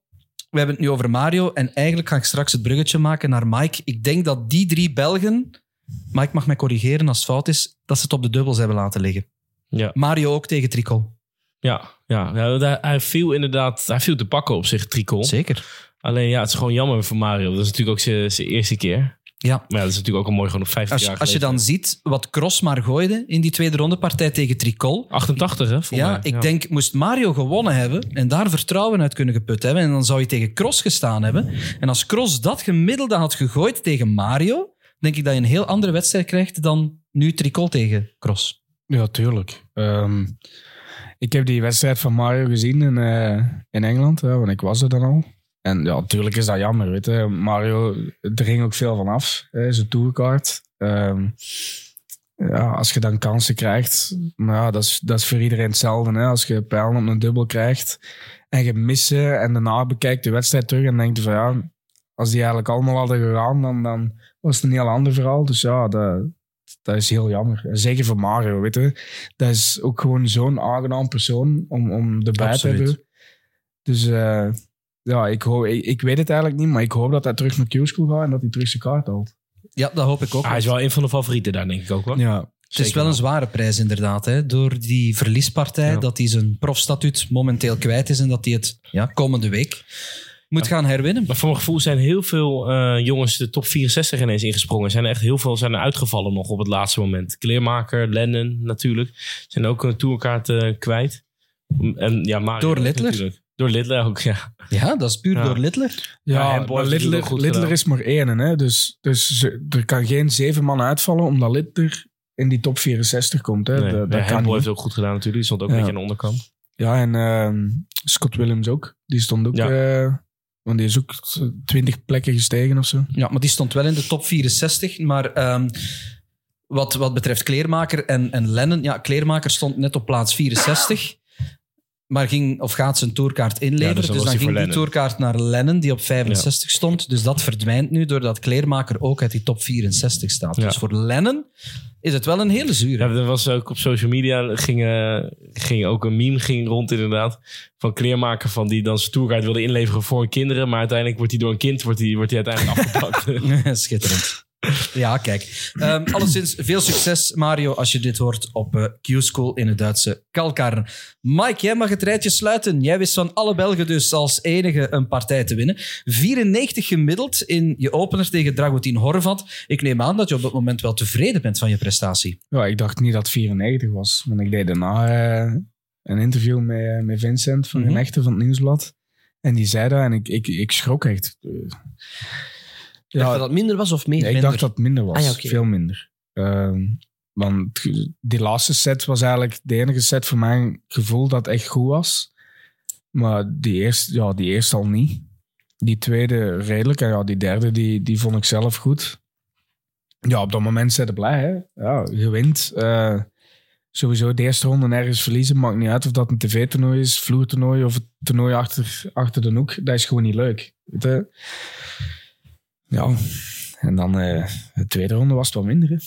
Ja, je komt tegen het 32e en dus laagste reekshoofd uit. Dat is Madars Rasma. De led had op dat moment het laagste winstpercentage van alle seats. Droomde je toch stiekem dan van een, ja, laten we zeggen, een partij na kerst? Tuurlijk, dat heb ik ook in interviews ervoor gezegd, voordat WK begon. Het wordt tijd dat ik eens kerst overleef. Ik heb nu al eerste ronde, tweede ronde, tweede ronde, tweede ronde. Oh ja, het wordt wel eens tijd dat, dat, dat er een diepe run in zit. En, en de, qua loting was dit zeker het jaar dat mogelijk zou geweest zijn. Ja, het is nu niet zo, dus volgend jaar opnieuw. Hè. Weet je hoeveel pijlen je op een dubbel hebt gegooid in die match? Wil ik het weten? 27. 7 van de 27 uitgegooid. Ja, dat is niet goed. hè. Welk percentage Wat wil jij jongen nou in een depressie duwen? ja, we wel weg worden. Het is, het is een, een statistiekje waarmee ik wil zeggen dat effectief ja, de dubbels eh, de Belgen niet te vriend waren. Nou ja, ik heb ook verschrikkelijk veel kansen gehad. Hè. Eh, ik mis er al vier voor twee en, twee en in sets voor te komen. Als ik die pak, ik zeg niet dat ik die wedstrijd win, maar dan zit ik in een heel goede positie. Dan ligt een druk volledig bij hem. Ja. En, en ja, Is dat een breekpunt geweest, dat verlies in die derde set? ehm, misschien wel, maar zo stond ik niet. Ik had nog altijd niet het gevoel dat ik, dat ik die wedstrijd ging verliezen eigenlijk. Want ik voelde mij wel de betere, zeker na die eerste set. Die eerste set was ik nergens. Hij gooide drie keer 15 pijlen. eh, en, en ik was niet mee. Maar na die eerste break zat ik er zelf goed in. En, en voelde ik mezelf ook gewoon de betere op dat podium als hem. Je zag ook aan alles dat hij overdreven veel stress had. Ja, als je dan kansen creëert en je pakt ze niet, ja, dan geeft het initiatief, initiatief terug aan hem. Hè. Maar je zegt van eh, inderdaad net met Mario tegen Rob Cross dat hij kans had gehad. Maar als je had gewonnen van Rasma, Michael Smit was ook echt te pakken, hè, die ronde daarna. Ja, ik heb ook geen schrik van Michael Smith. Weet je. Hij is, hij is, eh, ja. was geen goede match hè, tegen Oud. Rasma. Nee, hij speelde helemaal niet goed. Ja, hij heeft, maar hij stoorde hem ook aan veel. Want inderdaad, Rasma is ook wel een, een, een introvert figuur op podium. Vervelende speler. Ja. ja. Ja, zo wou ik het nou niet noemen, maar ja. Om Je- tegen te staan lijkt me dat inderdaad een vervelende Ja, speler. Je treft ze wel, Labanauskas, eh Ja. Rasma. Maar Labanauskas is, is, geen, is geen speciale. Weet je? Die gooit gewoon, die pakt zijn pijlen en die is weg. Maar Rasma is zo alles er rond. Hè? Je hebt, als je terugkomt van, van je pijlen te halen, moet je langs rechts teruglopen. Ja, hij staat dan zo net, niet, net wel in die, in, op dat hoekje van die, van die zone waar je eigenlijk niet mocht instaan. Ja, dan moet je al zo met een boog rondlopen. Zo. Jongen, ga toch, zet toch gewoon een stap. of Bolletaf, twee- Ja, hè? zet toch gewoon een stap of twee vooruit. Dat iedereen gewoon. Wat maakt dat niet uit of dat je daar of daar staat? Moet de PDC daar dan ingrijpen? Goh, ja. Die doen dat niet. Maar hij gooit ook pas als jij helemaal erachter staat. Ja. Sta jij al sta je om, je heen te kijken, dan moet hij Ja. zijn eerste pijl nog gooien. Ja, dan ging ik schaduwboksen met een wesp. Dus, eh, Ja, Maar daar was ze weer, de Wesp. ja, weet je, dat is gewoon ja, een speciaal figuur. Maar hij doet dat ook altijd. Hij doet dat op de vloer ook. Want er is eens een moment geweest eh, met Michael van Gerwen. Dat Michael Ja, ook zei van, je staat je serieus in de weg. Ja. Ja. Hij trekt hem ook niet aan. Hè. Hij blijft het doen. Ja. Dus ja. Ik heb überhaupt het gevoel dat hij, eh, als je zo ziet dat er niks binnenkomt. eh, nee, bij- nee. Dus eh, Ja, maar je begint u aan te storen en je spel gaat eronder onder lijden vaak. Hè. En, Als je en- eraan stoort, dan, Ah, ja, eh, hè? dan heeft dat effect, denk ik, op je spel. ja, ik had niet... Het was niet echt dat, dat ik er mij aan stoorde. Want je, je weet het op voorhand. Ja. Ik heb het eh, vorig jaar, op het, niet, af, eh, niet dit WK, maar het jaar ervoor, moest ik tweede ronde tegen Mensur Sulovic. En dat is ook zo'n speciaal. ja. Weet je, die pakt ook zijn Jeetje, tijd, ja. maar dat weet op Je voorhand. treft het echt lekker. Het is, het is irritanter als je tegen iemand moet zoals Michael Smith of een Doby. En je weet dan die normaal gewoon doorgooien en niks speciaal doen. En dan ineens Ja. mee beginnen. Ja. Dan weten van, dat is niet uw normale spel. Dat is puur om mij uit mijn Ja. spel te Ja, halen. ja, ja. Dat is veel Ja, irritanter. Ja. Ja, Mike, het bleek een soort van teleurstellend einde van toch een, een heel goed seizoen. Je mocht debuteren op de World Matchplay, eh, op de World Grand Prix. Eh, je hebt een finale bereikt in een van de vloertoernooien. Zie jij 2023 als een soort van doorbraakjaar of hoe kijk jij erop terug? Ehm, ja, misschien langs de ene kant wel en langs de andere kant niet. Ik had... eh, ja, doorbreken doet op de majors en niet op de vloertoernooien, vind ik. Je hebt De vloertoernooien zijn een opstap naar de majors en dan moet het op de majors laten zien, maar ja, daar wordt het groot geld verdeeld, niet, niet op de vloertoernooien. En ja, en op de, op de majors het komt het er in vlagen komt het eruit en in vlagen ook helemaal niet. Dus dat is, dat is nog een puntje waar dat we zeker aan moeten werken. Ja. Maar ik weet dat erin zit, hè, want als het er met vlagen uitkomt, dan kan het er langer ook uitkomen. Dus we zullen wel zien of dat er van de jaar dan langer uitkomt. Alleszins heel veel succes gewenst. Dank in, eh, 2024. Eh, ik wil een heel kort item aansnijden. Eh, het is een lang WK geweest en iedereen Zo. is nu vol over Littler en Humphries bezig. Maar ik vind dat ook een aantal wedstrijden en spelers in de bloemetjes mogen gezet worden die in de eerste rondes speelden voor kerst. Eh, ik wil er een aantal zaken uitpikken. Ehm, eerste ronde partij. Richie Adhouse tegen Jeffrey de Graaf. Als we in onze voorbeschouwing het hadden over de Ali Pelly Wasp, die een rol speelde twee WK's terug in de partij van David Cameron. Tegen wie was dat? Eh, daar hebben we het laatst over gehad. Jij zijn Wikipedia, vriend. Jij moet dat weten. David Cameron speelde tegen... eh, Ik heb net zijn naam vernoemd. Het was tegen Richie Adhouse. Was het tegen Richie Adhouse? Ja, dus Richie. Adhouse, die 2-0 in sets Was het voor staat, Noppert? wedstrijdpijlen krijgt. was het niet nee, dat, Noppert? Noppert was een andere wedstrijd. Ehm, en dus ja, die wedstrijdpijlen mist. Cameron komt terug in de partij. En wat zagen we nu tegen Jeffrey de Graaf? Hetzelfde. Hetzelfde. 2-0 in sets voorstaan. Eén wedstrijdpijl missen. En volledig ineenstorten. Jeffrey de Graaf wint die partij. Ik vond het echt leuk Ja, voor hem. Dat is voor jullie, want ik heb die wedstrijd niet gezien. Dus Nee. ik, ik- Maar hij zegt ook maar op zijn papiertjes. hey. Ik heb de match becommentarieerd. Dus daarom dat ik ze er heb uitgepikt. Ehm, Jeffrey de Graaf, ken je die een beetje? ja, die heeft nog... eh, eh, ik heb ook in hetzelfde management gezeten als Dimitri. En daar heeft Jeffrey de Graaf eh, ook nog bij gezeten. We hebben nog samen... eh, nou, samen beide geplaatst voor de Eurotour in Gibraltar.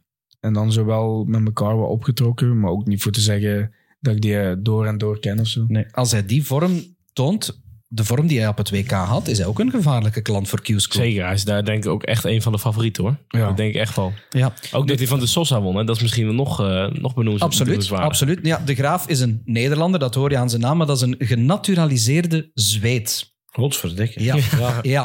Dat is gek, Ehm, ja, Damien, wat als Nederlander niet gelukt is voor de Graaf, een partij winnen op een WK, is Ja. wel als zweet gelukt. Ja, hij had voor mij zes keer. Zes keer toch had, Ja. hij op, had hij de eerste wedstrijd op een WK verloren. Hij komt nu als, eh, als Zweed. Wisten ze in Engeland ook nog niet zo goed. Want in de eerste set stond nog het Nederlandse vlaggetje erbij. Echt? Ja, Ja. stond nog een verkeerde vlag. Ja. Ja, je, je zou zeggen dat zouden ze moeten weten. Ja, eh, inderdaad. Maar dat is wel vaker, zeg. Want bij mij eh, stond er ook eh, Nederlands. Ja, volgens mij klopt Echt? dat. Ja, Zo? ik, ik heb ook zoiets eh, gezien. Ja, zien en, passeren. eh, volgens mij tegen Horvat. nou, onze- Mike. Ja, maar Nee, je hebt zo'n spreek eens wel Hollands Nederlands. accent, hè. Ja, eh, mijn accent is zo wat van overal. Ja, dat is zo wat strateger eigenlijk. Van, alles bij je. Ja, eh, mijn moeder is ook half Hollands. Dus, dus En uw ex, uh, daarnet ja, zei ook uw ex. ja, dus ik heb dan twee jaar en een half in Holland gewoond. Dus Ja, ik heb zo oké. van overal een beetje... Een beetje. Ja, Een beetje, een beetje. Ehm, nog een, eh, ik ga nog wat momentjes eruit pikken. Eh, we kunnen daar snel doorfietsen. Eh, eerste partij van Keegan Brown tegen Boris Kurchmar. Kurchmar won die partij. De partij had niet veel om handen, maar waarom pik ik het eruit? Omdat Keegan Brown voor zijn walk-on klaar staat en Master of Ceremonies John Ja. McDonald de naam van Boris Kurchmar afroept. Je moest dat gezicht zien van Keegan Brown. Die stond daarvan. Ik sta hier wel, hè. Maar, maar als het bij iemand moet gebeuren, is bij Keegan Brown. Die kan het zo leuk oppakken. Dat die kwam uiteindelijk, dacht hij van, nou ja, weet je, prima, Boris. En dan beeld. kom maar gewoon op. Geweldig. Ik denk is dat dat dan hij- opgegaan of is het Ja, nee, hij liep gewoon door. Nee, want de, de walk-on muziek was de juiste muziek van Keegan Brown. Dus hij is dan Ja. effectief heeft hij zijn walk-on gedaan. Ah ja, oké. Ja. Maar ja, het rare is natuurlijk ook dat eh Kriegsmar was uiteindelijk via de qualifiers was die gekomen. Dus ik snap Ja. wel dat je dan eerst denkt, eerst de qualifier en daarna via de Pro. Tour. Alleen Kriegsmar stond hoger op de, Op de ranking. op ja. de ranking En inderdaad. Weet dat je dat bepaalt dan... Dat De, bepaalt de, bepaalt wie eerst degene komt. die lager geclasseerd staat, die komt als eerste op. Ja, ja, oké. Ja, ja. Ja. Ehm, een andere partij die ik eruit pik, Ryan Joyce tegen Alex Spelman. Joyce gewonnen met 3-1. Hele goede wedstrijd, misschien een van de beste wedstrijden van de eerste ronde. En ik vond het eigenlijk heel jammer voor Spelman dat we die maar één match aan het werk gezien hebben. Ik vind dat die... Ja, ik, Ja. ik wou er eigenlijk meer van zien. Nou, Amerika komt er wel een beetje aan, hè? Met, Ja. eh, met Spelman ook inderdaad. Ja, dat is gewoon echt een goede speler inderdaad. Dus eh, het zou voor de Tour ook een vrij zijn. Ik weet niet of hij naar Q-School gaat. Iemand van de States? Of wat? Dus Ja. iemand van Amerika. Ah, leuk. Ja. Ja, het zou leuk zijn. Zou leuk zijn, hè? Ja, eigenlijk wel. Want inderdaad, je, je merkt wel dat zo wat die landen, dat dat een beetje toch Europees blijft. Het is normaal, hè. Als je... Weet je, dat is een grote stap om... om alle toernooien zijn... Ja, al de pro tours zijn nu in Engeland Ja. en dan in Duitsland. Ja, als jij van Amerika... Ja. Je kunt niet iedere week een vlieger En pakken, wordt- heen en terug. Ehm, Het wordt alleen maar Zeg- erg, hè? zeg, Dat door zeg de week dat maar eens tegen Matt Campbell. ja. Matt ja. Campbell is een Canadees en die vliegt effectief continu over en weer. En Jules van Dongen, ook vanuit Amerika natuurlijk. Ja. Die komt ook Nou, continu op en neer. Jules van Dongen, ik ben die op een van de laatste eh Pro Tours. Zaten wij samen in, eh, in een taxi van de luchthaven naar, eh, naar het hotel. En eh, dan was die op een jaar aan reiskosten alleen 40.000 dollar. Ja, kwijt. dat klopt. Dat is crazy. Klopt. Dat is echt Ja, dat moet je graag doen, hè. Ja, dat slaagt er Ja. nergens op. Het heeft meer geld gekost dan opgeleverd. Ja, afgelopen ja, voor hem wel, ja. Maar ja, het is wel zijn droom. eh, Dus ofwel moet je echt verhuizen naar de UK, zoals bijvoorbeeld ja, of je moet een financiële buffer hebben. En Simon Whitlock je- vanuit Australië. Ja, als je een financiële buffer hebt, dan kan je het reizen Ja. betalen. Kijk, andere partij, Luke Woodhouse tegen Barry Van Peer. Luke Woodhouse die denk een paar honderden ponden misliep om top 32 van de wereld te zijn. Eh, dus ehm, eigenlijk de beste niet geclasseerde speler op dit Ja. WK. Maar eh, meteen gaan zitten tegen Barry Van Peer. Eh, waarom pik ik die match eruit? Was Barry Van Peer een van de beste Nederlanders op dit WK, Damien? Of hoe zie jij dat? Ja, de, van, van zeg maar de subtop inderdaad. Als je dan dus onder Van Gerwen en Van Barneveld gaat kijken, was, was hij wel het leukste inderdaad. Als je dan en van Woodhouse en van Rock wint. Ja, Zeg maar dat, dat, eh, die, dat stukje met z'n drieën had ik totaal niet verwacht dat Van Peer daar dan uit zou komen. denk het ook Nee. niet. En tegen. Hetta, tegen Hetta was het echt zonde. Hij was echt dichtbij was hij en eh, uiteindelijk gaf hij dat weg. En hij is te gast in onze volgende aflevering. Ja, Mag ik alvast teasen. Dus, eh, Ja, dus daar gaan we nog wel dieper op ingaan. Ja. Ehm, ook niet het toernooi van Gian van Veen. He- heel Nee. veel hype rond eh, Gian van Veen voor aanvang van het WK. Maar hij kwam tegen een ontketende Hongkonger uit, zowaar. Man Lok Loeng. Wat een kennismaking met Loeng. ja, of Leung werd, werd in Nederland ook gezet. Leung, dat je het zo moet uitspreken. Oké. Maar, maar inderdaad, ja, die... eh, een, een keer een snelle Aziat. Normaal zijn ze altijd hartstikke traag. Maar deze, deze gooide lekker door. En nou ja, ik, Gian mocht, mocht wel iets beter spelen. Maar die Le- Le- Leung speelde ook gewoon goed. Dus eh, Die mag van mij ook voor een tourkaart gaan, hoor. Die zeker. Leung. Zeker. Leuk om naar te zien. Maar ja, en, de- Perez heeft ook een tourguide, die zien we nooit. en die andere eh, Aziat die won in de eerste ronde, Tomoya Goto, die, eh, die Japanner, vond ik ook een aangenaam Ja, om naar te kijken. Leuk, leuk kapsel heeft hij. eh, Is dat die blonde? Is dat die met zijn wit haar? Ja, Ja. dat is eh, het Aiki noedelkapsel. Wat? De, het noedelhaar? Zo, Ja, ken ik. Ken Hij is helemaal- helemaal- Ja, ik weet het, maar ik kan, ik kan me hem niet inbeelden. Tot aan zijn Ah, wenkbrauwen heeft hij het helemaal. Ik ga hem opzoeken voor je. Maar ga, ga rustig door. Wij gaan terwijl verder. Eh, misschien nog een andere Nederlander die ik eruit pik. Dan zitten we eigenlijk al in de tweede ronde. Kevin Doets vind ik ook iemand die een geweldig WK speelde.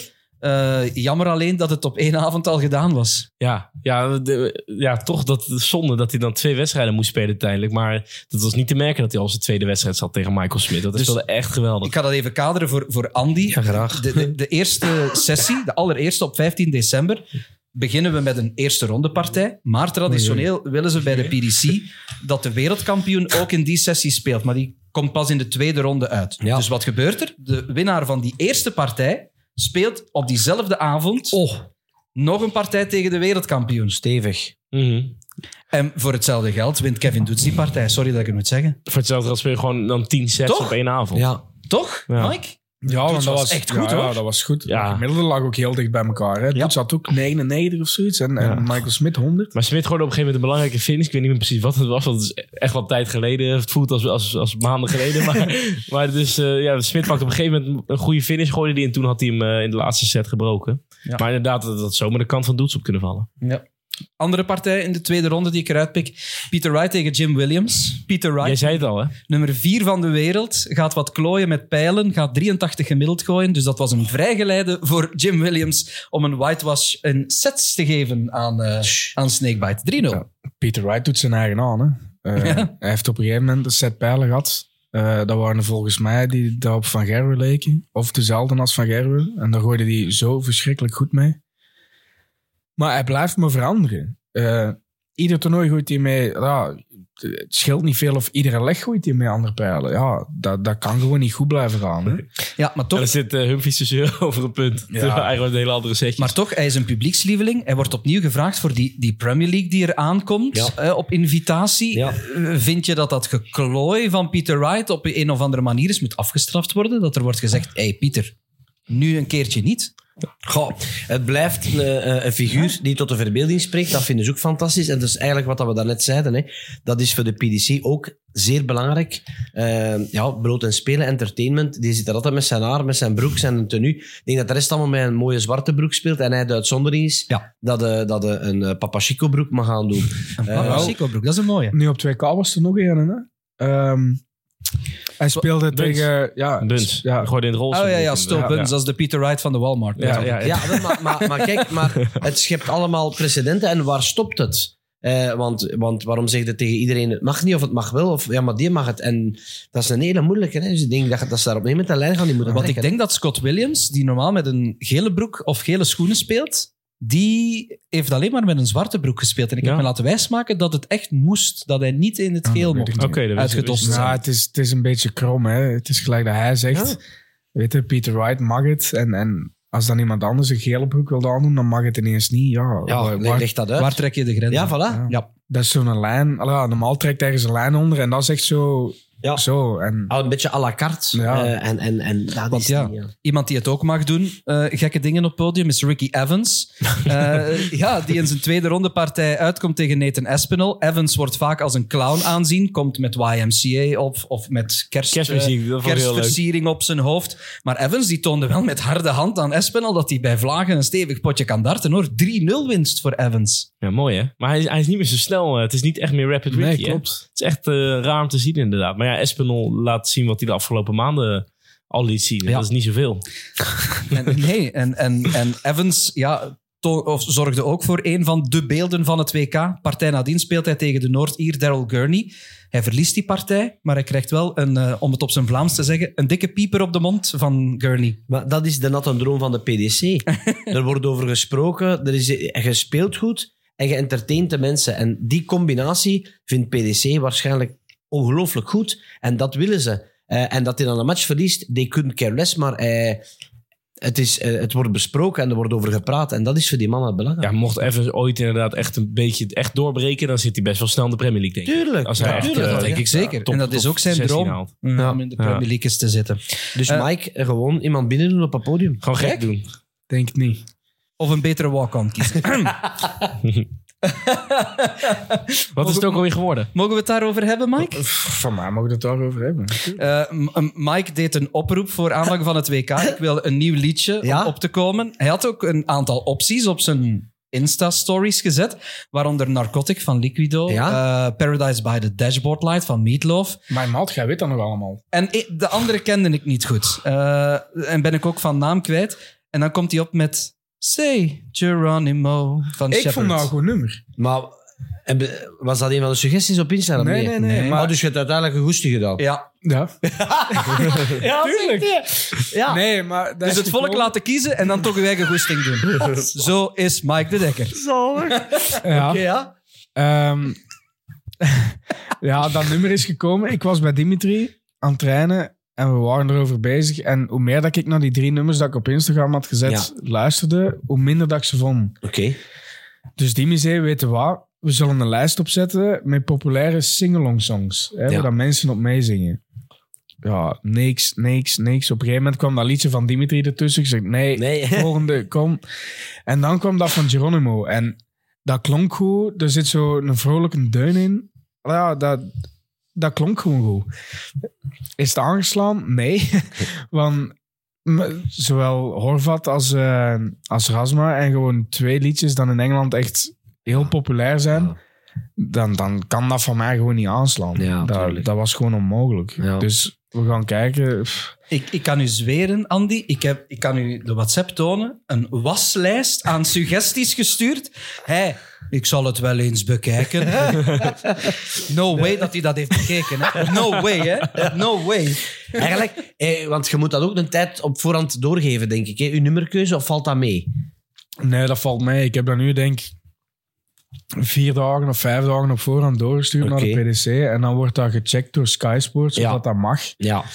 Ja, Maar er mogen dat- geen rare woorden in Ja, ja, tuurlijk. Nee, maar ja, dat was redelijk. Ik denk een dag nadien dat ik al antwoord dat in orde was. Dus, Want zouden niet kunnen kijken van waar dat het toernooi doorgaat en een beetje inspelen op dat publiek dat gedaan ja, dat kan. Weet je, stel nu dat ik, eh, dat ik meedoe in Wiezen, ja, dan ga ik kijken voor iets van, van, van de regio of van gewoon van België. Dat, dat, dat heel Joost populair is anders geaard van de Lawine Boys, kunnen dat nemen. Joost is anders geaard. Dat is Hey, ook- vriend. eh, in Wiezen, een groot succes gaat dat zijn. ja, zo'n dat is zo'n carnavalsliedje. Ja, ja, ja, ja. dat dacht ik al. Maar carnaval is niet mijn ding, dus dat gaan we niet doen. ja, ik Ja, ben laat het benieuwd. gras maar groeien is al geclaimd door Damon Head. Maar dat was ik ook niet van plan, dus Ik ben heel benieuwd wat dat gaat geven. nee, ik, ik weet het niet. Maar laat het alleszins geen ding worden, want anders gaat u daar al te veel Ja, op dat is fixeren. ook. Ja, dat en is- dan dat gaat is u ook dat waar. afleiden Maar van wat is spel. gewoon je lievelingsnummer? Heb, heb je een lievelingsnummer? Nee, ik hoor verschillende genres graag. Eh, ik luister vooral naar hip-hop en zo, maar ja, daar kunnen niet echt mee opkomen. Iets van retro, maat. Een dikke retro schijf. Ik het Nee. Dat nee. gaat bonken, ze man. Nee, nee, want als je kijkt, eh, gelijk, hoe noemt hij?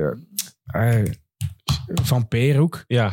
Vreselijk nummer. Ah ja, maar Volgens mij, hebben we een match, Ja. volgens mij hebben we een match gecommentarieerd Dat was- en dan ja. zeker het ook. Als je daar vijf minuten naar luistert, dan heb je verschrikkelijk. barstende Dat is een maar Ja, dat is ook eh, niet. maar het, is wel, het publiek is wel gelijk lekker wakker. En dat Ja. waren ze niet met alle respect van Maar, eh, Geronimo. Mike, als ik, Nee. als ik, als ik mag zeggen, ehm, jouw vorige walk-on was The Best Day of My Life van American Authors. Ik vind dat eigenlijk geen misnummer, hoor. Nee, maar mijn ding was, ik heb nooit de zaal mee.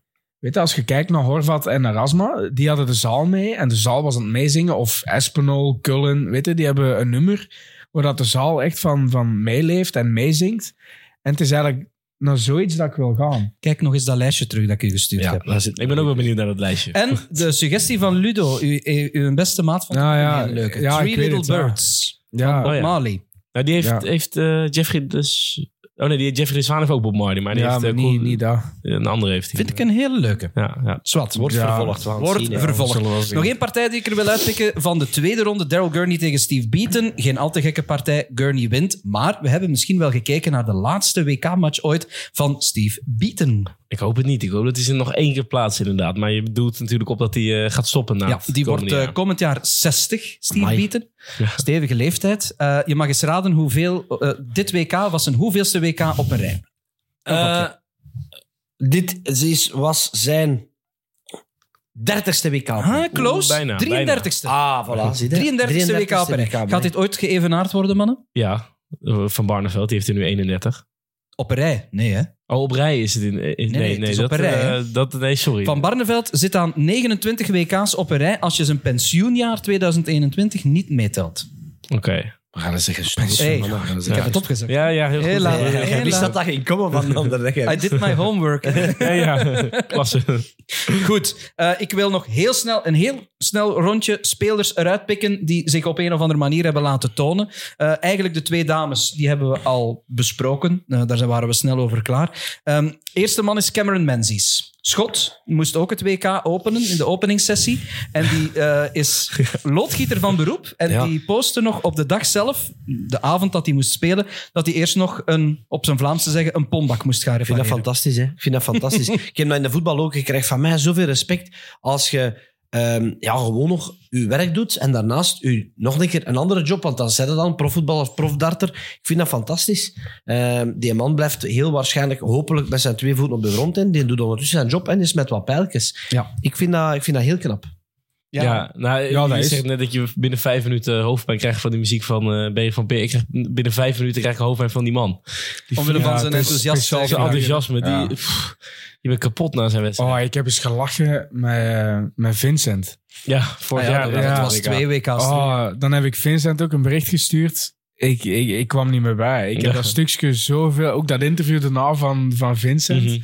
Dat echt... Ja, maar Vincent zei van ik sla je neer. Dus Ja, er komt de Nederlander Vincent van der Voort uit tegen Oh. Cameron Menzies. En van der Voort is zo heel sec qua gedrag. Ja, Eh, geen toeters, bellen, weet ik wat. En Cameron Menzies is juist de tegenpool. ja oké. En die deed niet anders als praten tegen Van der Voort, zowel op als naast het aan, aan hem podium. zitten, aan hem zitten. Ja. Terwijl als dan... En de partij wordt gewonnen door Van der Voort.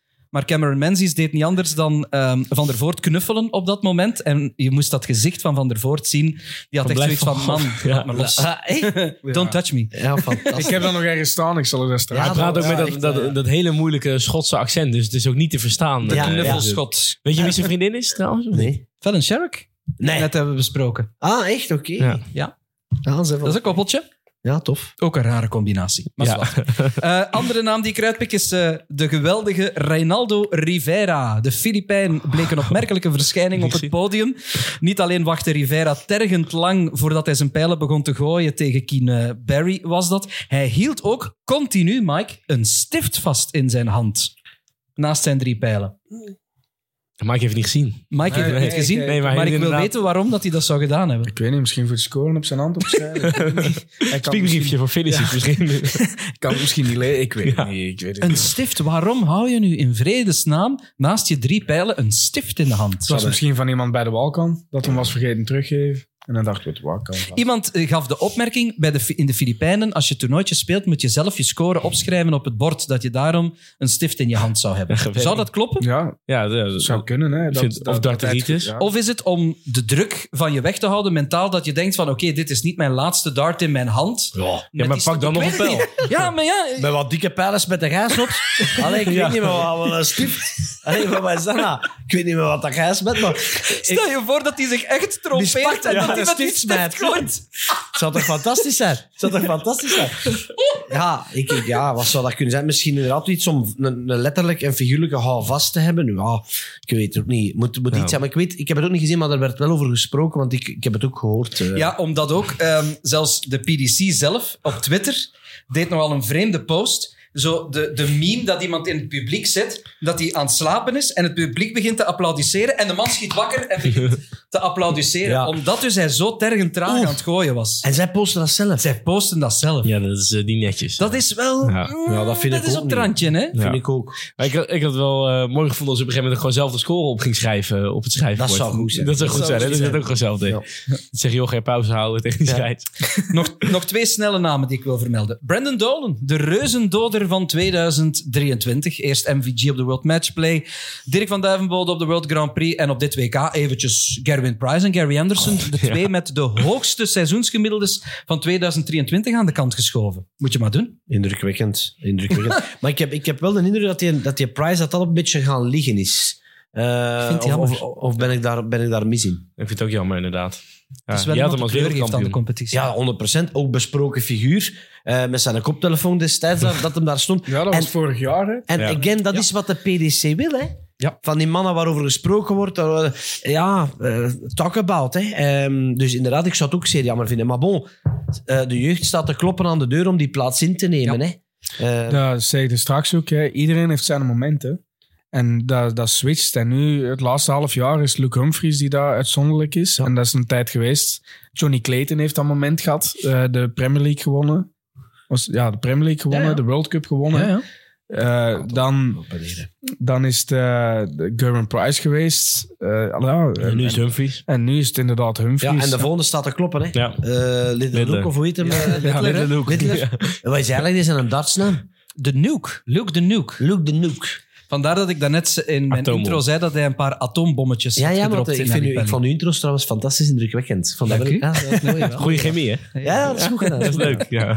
Moeten we wat mee doen. Ja. Eh, ik wil eh, trouwens wat eh, Brandon Dolan betreft nog een eh, speciale vermelding geven aan eh, Theresa Doherty. Wie kent die? Dat is zijn vrouw. Dat is mevrouw Dolan. Dat was eh één brokje energie hoor, eh, in het eh, publiek. Ja, is, is, Ja, ja, hallo daar. Stond die... eh, En er moest ook nog iemand huilen, hè, dat zijn vrouw erbij was. ja, Krietsmar. Ja, klopt. Ja. Ja. klopt. Ja, die stond te huilen. Tijdens de wedstrijd. Tijdens de wedstrijd. was nog bezig. Ja, hij moest nog altijd uitgooien en hij was al aan het huilen. Ja, emotionele mannen. Ja. ja Beer van kan je de zeggen. Boris Kurtsmar, ex, ehm, zeg het eens, niet security agent, maar buitenwipper, toch? ah, ja. Ik weet niet, Buitenwipper nee, dat weet ik niet. Dat weet ik niet wat ja, hij ik, gedaan heeft. ik, ik heb ook horen zeggen... Uitsmijten. Ja, dat is... Uitsmijter, lekker. In, zeg, Ja, in Nederland wel. zeggen we uitsmijten. Dan is dat Jullie eten. zeggen Bij ons- uitwipper? Kennen jullie dat, een uitsmijter? In Ja, eten. Ja, ja, ja, zeker. Oh ja, oké. We zeggen buitenwipper. Buitenwipper, oké. Ja. Hij is ook eh, zoveel keer Kroatisch kampioen kickbox of thaibox geweest. Ja, softtip. iemand waar je ruzie mee wil. Softtip ook goed. Ja, Ja, maar dat is iets anders dan kickboksen. Ja. Ja, nee, dat is waar. Dat is waar. Ja, hij is, eh, hoe groot zou hij zijn? Twee meter en. Ja, en hij is er drie meter breed. Dat is echt... Dat is Ja. Imposant figuur. De laatste naam die ik er nog wil uitpikken eh, is Scott Williams. Eh, halve finalist, Shaggy. Eh, ja, een van de meest verrassende halve finalisten toch wel. Had geen makkelijk parcours. Hè. Eerste ronde, oké, eh, Muramatsu. Maar nadien seed 7 Danny Noppert uitgeschakeld. Nadien Martin Schindler uitgeschakeld. Nadien Damon Hetta, op dat moment ook top 10 speler. En dan een van zijn mooiste overwinningen uit zijn carrière. We hebben de uitzending daarmee begonnen. Tegen Michael van Gerwen. Drie top 10 spelers uitgeschakeld. Ja. Dat is de moeite, hè? Ja. Ja, dat is eh, een stevig parcours. Hè? Ja, het was ook wel te verwachten tegen Humphries. Dat, hem daar, was. ja, dat hem daar iets Ja, het is te de finale tegen- echt al gespeeld tegen Van Gerwen. Ja. Natuurlijk, ja. Ja, Drie top 10 spelers is wel knap. En de Humphries heeft geen ene top 10 speler verslagen op dit WK. Echt crazy, inderdaad. Ja. Nu ja, eh, waarom pik ik Ja, ik geloof u, maar ga- ik zeg het. waarom, Ga ze- waarom pik ik er Scott Williams uit? Hij speelt op een gegeven moment tegen Martin Schindler, een Duitser. Hij geeft een interview op het podium live bij Sky Sports. En wat zegt de Engelsman in kwestie? Ja, eh, we hebben nu al twee wereldoorlogen, een World Cup en dus nu ook weer gewonnen van een Duitser. Wat een foemp. Dat zeg dat toch niet wat. Niet te geloven, die man. Die begint over de wereldoorlogen. Ja, je moet Kan- nooit over de oorlog beginnen. Don't mention the war. Ja. Maar nee, kerel. Echt waar. Ja, waarschijnlijk als grap bedoeld, maar, maar ja, dat, dat kan. Ja, hij heeft hij eh, had geen zijn social bedoeling. media account op X op een gegeven moment moeten afsluiten, omdat hij waarschijnlijk te veel haatberichten Ik, eh, die kan het me zo inbeelden. Maar dat is hij tegen Luke Humphries volgens mij is verloren op de Grand Slam. En dan stak hij zijn twee middelvingers Ja, erop. vorig jaar inderdaad. Echt? eh, Ja, zat ja, zijn ook. middenvinger op. Ja, Ja, maar- de match was gedaan. Als een grapje. Die zijn bevriend, hè? dus dat was wel Ja, als een Ja, maar dan schappelijk Ja, bedoeld. ja, maar de buitenstaander ziet dat niet. En je Dan als altijd... je op een interview... Nee, ja. eh, Sorry, hè, maar je mocht een nieuw walk-on liedje, hè, omdat we het er na- de net Ja. over hebben, mag er, mag er geen, geen fuck of whatever in Ja. komen. Maar een ander steekt er Heb wel... je het F-woord gezegd? Ja, nee. Ja. Moet ik er nog twintig keer in doen? Nee, nee, laat maar. Ja, maar een andere steekt er dan wel zijn twee middelvingers Ja. op het podium, dat iedereen het ziet. Ja, dat- ja. Come Hij on. heeft er een boete voor gehad, hè? Ja. Weet je daar een boete Ja, van ja, ja, ja, net als Allee, Nathan dan. Espinal, die deed vorig jaar als hij van het podium Ja, kwam ja, een ruggebaar. Echt, nee. Dat hij aan het zeggen was van ik ben aan het sukken, hè? ik ben slecht aan het gooien. Hey. En hij deed een Maar ruggebaar naar de camera. dat, dat stuk was wel grappig, want dan nadat hem dat deed, zag hem Ja, dat de camera op hem... zo. Ja, ja, Ah. dat En zij zo, oh, oei, ah, Nee, zo. dat. Dat is echt een goed stuk. fantastisch. Maar, daar word je ja, effectief voor Ik vond het zo kinderachtig dat ze hem daar dan een boete voor geven. Weet je, hij maakte er nog een lolletje van. Maar, Ja. ja, maar daar trekken ze dan mooi de lijn. ja, maar ze willen, juist- ze ze, willen wat leuk zien. En dan maakt iemand... eh, Het was wel een grappig moment. Wij, wij weten het. was inderdaad grappig. Ja. Ja. Ja. Eh, nog één ding, jongens, in verband met eh, het WK. Ja, het kroonjuweel natuurlijk van het WK. De finale. Eh, Andy, jij hebt ook gekeken natuurlijk. Een jaar na Michael tegen Michael kregen we Luke tegen Luke. ja. Het was een geweldige finale, toch?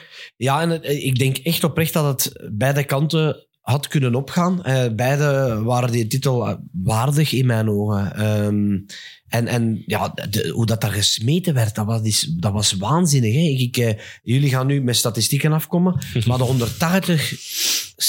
Dat is meervoud van 180. Ja, ja. 180 s, wanneer is dat daar gesmeten zijn? is waanzin, hè? Eh, Ja. Littler gooide 101 gemiddeld en Humphries gooide 103 gemiddeld. In een finale. In de finale. Maar dat bewees, Over elf sets. Ja, Ja. het was ook echt een finale waardige WK-finale. Ja, zeker. Ja. Beide darters, we hebben geen nine darter gezien, maar beide spelers hebben uitgepakt met een 170 checkout, de Big Ja. Fish. Hoogst mogelijke checkout, dus eh, ook dat kruidde die finale natuurlijk. Ja, ja. ja en het, is, ja, het key moment is denk ik gewoon bij die eh, dubbel 2, hè? Waar Linden op 5-2 kon komen. Twee keer triple 18 en dan dubbel 2. En dat was het geweest, dat die 16-jarige knul gewoon eh, wereldkampioen was geworden. Op Toen- debuut. Toen- debuut ja, inderdaad. Niet Toen kon hij 5-2 voorkomen in sets. Dan had het, denk ik, dan had het klaar geweest. Dan denk ik Ja. niet, want heel het WK door, eh, die jongen, die, die, die trekt hem van niet veel aan. En, en als je dan drie sets voor staat, dan, ze- met zijn mentaliteit, denk ik niet dat hij het nog had afgegeven. Dan had hij, dan had hij volgens mij wereldkampioen geworden. Ja, ja en hier, hier hangt Pele. Die, die won op zijn 17e de Olympische Spelen natuurlijk. Ja, dat is een beetje hetzelfde, hetzelfde Nee, verhaal. dat is niet hetzelfde, want Pele deed het niet alleen. Is dat er Nee, dat is waar. Maar En we gaan ook zeggen dat je van voetbal Ja. alles af weet. Gewoon niet, niet, Maar- maar beginnen doen. Boris. Becker, dan mag hem daarmee vergelijken. Maar toch, Mike, je hebt een aantal spelers in de geschiedenis van het voetbal waarvan je toch zegt, die heeft zijn ploeg gecarried. Toch? Lionel Messi is met Argentinië wereldkampioen geworden, maar toch niet omwille van de spelers die rond Messi stonden, maar toch vooral Tuurlijk, dat het omwille van Messi ging. Nou, ik vind dat niet. Weet je, Niet? Ik, ben, ik ben ook geen... geen Maradona ik ben speelde geen- ook niet met de beste spelers trouwens hoor, toen Argentinië wereldkampioen speelde. Nee, maar maar dan nog, hij moet ja. toch wel een bal in de voet krijgen? Ja, of, of, ja. Weet je, ik ben ook geen voetbalexpert, hè. zeker en vast niet. Hè. Nou, een maar, voetbalpodcast. maar, maar ja, hier. Ja. Maar je staat niet alleen op dat veld. Zet Messi bij FC Nieuwerkerken en Messi is niet dezelfde Messi. Nee, tuurlijk Die niet. moet ook gediend worden en, en, eh, en hij kan ook dienen. Waarom duurt het zo lang bij, met Messi dat hij met Argentinië eindelijk wat won? En bij Barça eh, speelden ze alles kapot. Ja, omdat hij om, daar bij Barça omringd werd door ook allemaal goede spelers. Ja, ja, voilà, dus Exact, dan doet het niet alleen. Hè. Ja. Nee, dat klopt. Ja, dit, dit is inderdaad niet te vergelijken, maar bon, blijft toch altijd de wereldtop. En, en om dan op ons finale terug te komen, die twee mannen waren in mijn ogen ijzersterk, mentaal zeer sterk. Want ook daar onderschat hij, dat publiek zit er nog altijd. Hè. En sommigen gaan wel een voorkeur hebben, sommigen gaan wat meer lawaai maken bij de ander of bij de een. En dan moet je je volledig kunnen afsluiten. Dus eh, ja, zeer mooie wedstrijd gezien. Want dat was met Humphries ook zijn wedstrijd tegen Pietreczko. Dat hij op een gegeven moment, hij gooit uit voor de match en hij loopt naar rechts van het podium. En, Omdat daar Duitsers Ja. zaten. Ah ja, en dan en daarna in zijn interview zei hij het ook van iedereen thuis zou eens mogen ondervinden wat ik hier Exact. vanavond heb ondervonden. Exact. Ja. Dat was gewoon, dat was constant fluiten. Ja. Elke pijl, elke beurt. Uh, vanuit de zetel zitten we allemaal. Allee jong, allee jong, zo dat te Ja, doen. ja. Allee. Maar dat, mannen, allee, in tijd lachten ze bij ons bij BV-darts in de eerste ronde single uit. Hè, en ik zat op dat toernooi dan terwijl het de kim aan het smijten was. En dan moesten er ook gewoon soms single en dat niet lukte. Ik zei, allee. En jullie zijn dan de eerste om te Ja, bekritiseren. en het is zo makkelijk om vanuit je zetel met je zak chips te zeggen hoe dat iemand anders het moet doen. Mm. Maar als je daar staat, en dat is dan wereldniveau, top. Ja, kom mannen. eh allee, Dat je, is- je kunt dat niet vergelijken. nee. Nee. Nee, dat is zo. Luke Humphries is nu wereldkampioen. Is nu ook de nieuwe nummer 1 van de wereld. We zagen het afgelopen jaar bij Michael Smith dat hij eigenlijk in 2023 een soort van decompressie jaren had. Gaan we hetzelfde zien bij Humphries? Ik denk eerlijk gezegd van niet. Ik denk het ook niet meer. Nee, ik denk dat ook niet. Michael Smith zat alleen maar in, eh, Las Vegas voor mijn gevoel afgelopen jaar. En Humphries is denk ik, eh, die gaat wel echt gewoon door met darten. En Michael Smith heeft er wel echt van genoten. Ja. En eh, Michael Smith die ook effectief in zijn jacuzzi een foto postte Ja, van ik heb darts uitgespeeld. Terwijl Luke Humphries nu onmiddellijk na zijn wereldtitel heeft gezegd ik ben eigenlijk hongerig naar meer. ja, dat moet je ook hebben. En eh, Smith was echt eh, voldaan of zo, leek hij. En dat heeft Humphries, die wil alleen maar meer. Ja, Smit deed me eigenlijk een beetje denken aan Brussel. Oh ja, ja, ja. Brussel was ook Ja. zo, hè? Die won, die won eh, het snoeker. En Het WK, ja. die heeft, eh, ik denk, een half jaar eten zitten rondreizen. Ja. Ja, nou, zo Ja. voelde het. Het zal zo lang niet geweest zijn, maar zo voelde het wel. Ja. En, Ik zag op en Instagram alleen maar foto's inderdaad dat hij op vakantie eh, was. En ik denk, ja, Smit was zo wat. Hè? Dan naar daar en dan dat doen en met de familie. En hij heeft gelijk, hè. Weet je, als datgene is dat je wilt doen, dan moet je dat doen. Maar ja, ik denk ook niet dat, dat Humphries hetzelfde gaat zijn. Denk ik ook niet, inderdaad. Nu ja, eh, dat darts leeft, dat is meer dan duidelijk aan de cijfers te zien. Op eh, een piek keken er 4,8 miljoen mensen naar de Britse zender Sky Sports. Ehm, meest bekeken sportevenement na het WK voetbal. Crazy. Ja, het is groot. Het is echt groot. Crazy. Ja. Ja, eh, merkte hij in Nederland merkte hij dat ook. eh, dit jaar werd het echt groots opgepakt, ook door Lidler. Omdat dat vooral voor de algemene, algemene media wel heel interessant was. Eh, dus ja, het is wel leuk om te zien dat het steeds groter wordt, eh, Ja. de dartswereld. En als Daarom moet er iemand mee met... Godverdomme. Ja. Rustig. Breek de boel ja, maar niet af. En daarom moet er iemand mee, een reporter, ter plaatse, dat die mannen omringd worden en geapprecieerd worden in wat dat die doen, want dat is wereldniveau, dat is topsport. Dat is absoluut zo. Er gaat, ook, gaat toch ook altijd een verslaggever naar het voetbal, neem ik aan? Ja, tuurlijk. maar dus... omdat daar veel meer geld om te pas komt en die, exposure groter is en weet ik veel wat. Maar we mogen wel niet onderschatten. Die mannen smijten drie pijlgas op een vierkante centimeter, zelfs minder. Dat moeten we maar doen, hè, mannen. Wij doen dat ene keer, ik smijt 180 en gaat er 180, die massa is kerel. Dus normaal. En die man met verder. Het is fantastisch wat dat die doen. Ik kan wel meegeven dat er gemiddeld naar VTM 2 eh, gekeken hebben in die finale. Eh, en dan spreek ik van een aantal van 352.000 kijkers gemiddeld. Met een piek tot eh, bijna een half miljoen, 485.000 kijklustigen. Wat gigantisch is voor een tweede zender van VTM. Hè? Even vragen, is dat veel inderdaad? Dat is echt veel. Ja, ja, Vooral ook ja, naar marktaandeel. kijken. Hè, naar marktaandeel.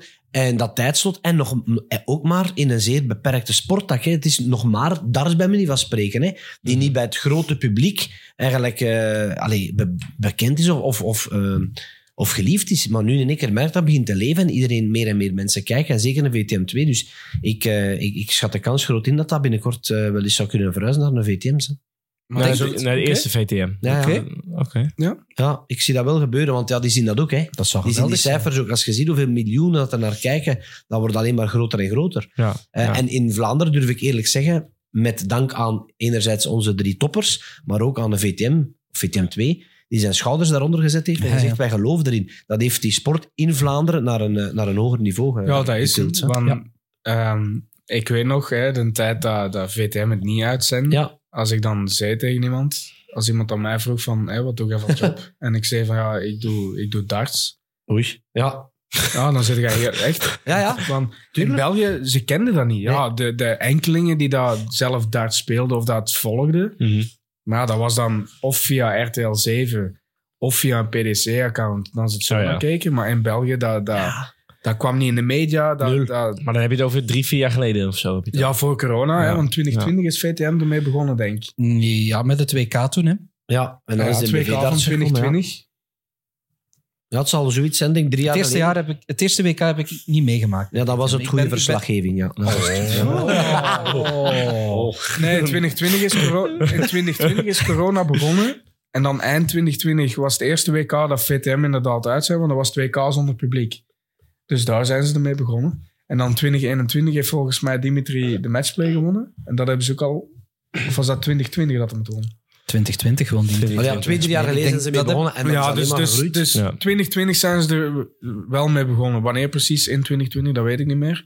Maar daarvoor... Dat, dat, Nee, Ja, maar da- daarom snap ik eventueel, ja, Kim's frustratie snap ik, eh, snap ik dan ook wel. Dat die heeft twee keer Premier League gespeeld, weet je wel. Die heeft echt al mooie Ja, dingen dat is niet toen opgepikt. En dat is, ja. dat, dat is helemaal niet groots opgepakt natuurlijk. Nee. En nu is Nee, het- ja, maar ja, ja, daar kunnen niet veel aan veranderen. Nee. Dat is nu helemaal Dat is zo. moeilijk, weet je, eh, dat hangt in het verleden. Nu is het wel populair. Ja, probeer er nu dan het beste van te Ja. maken. ja, we moeten nu knallen. Hè. Ja, ja, zeker en vast.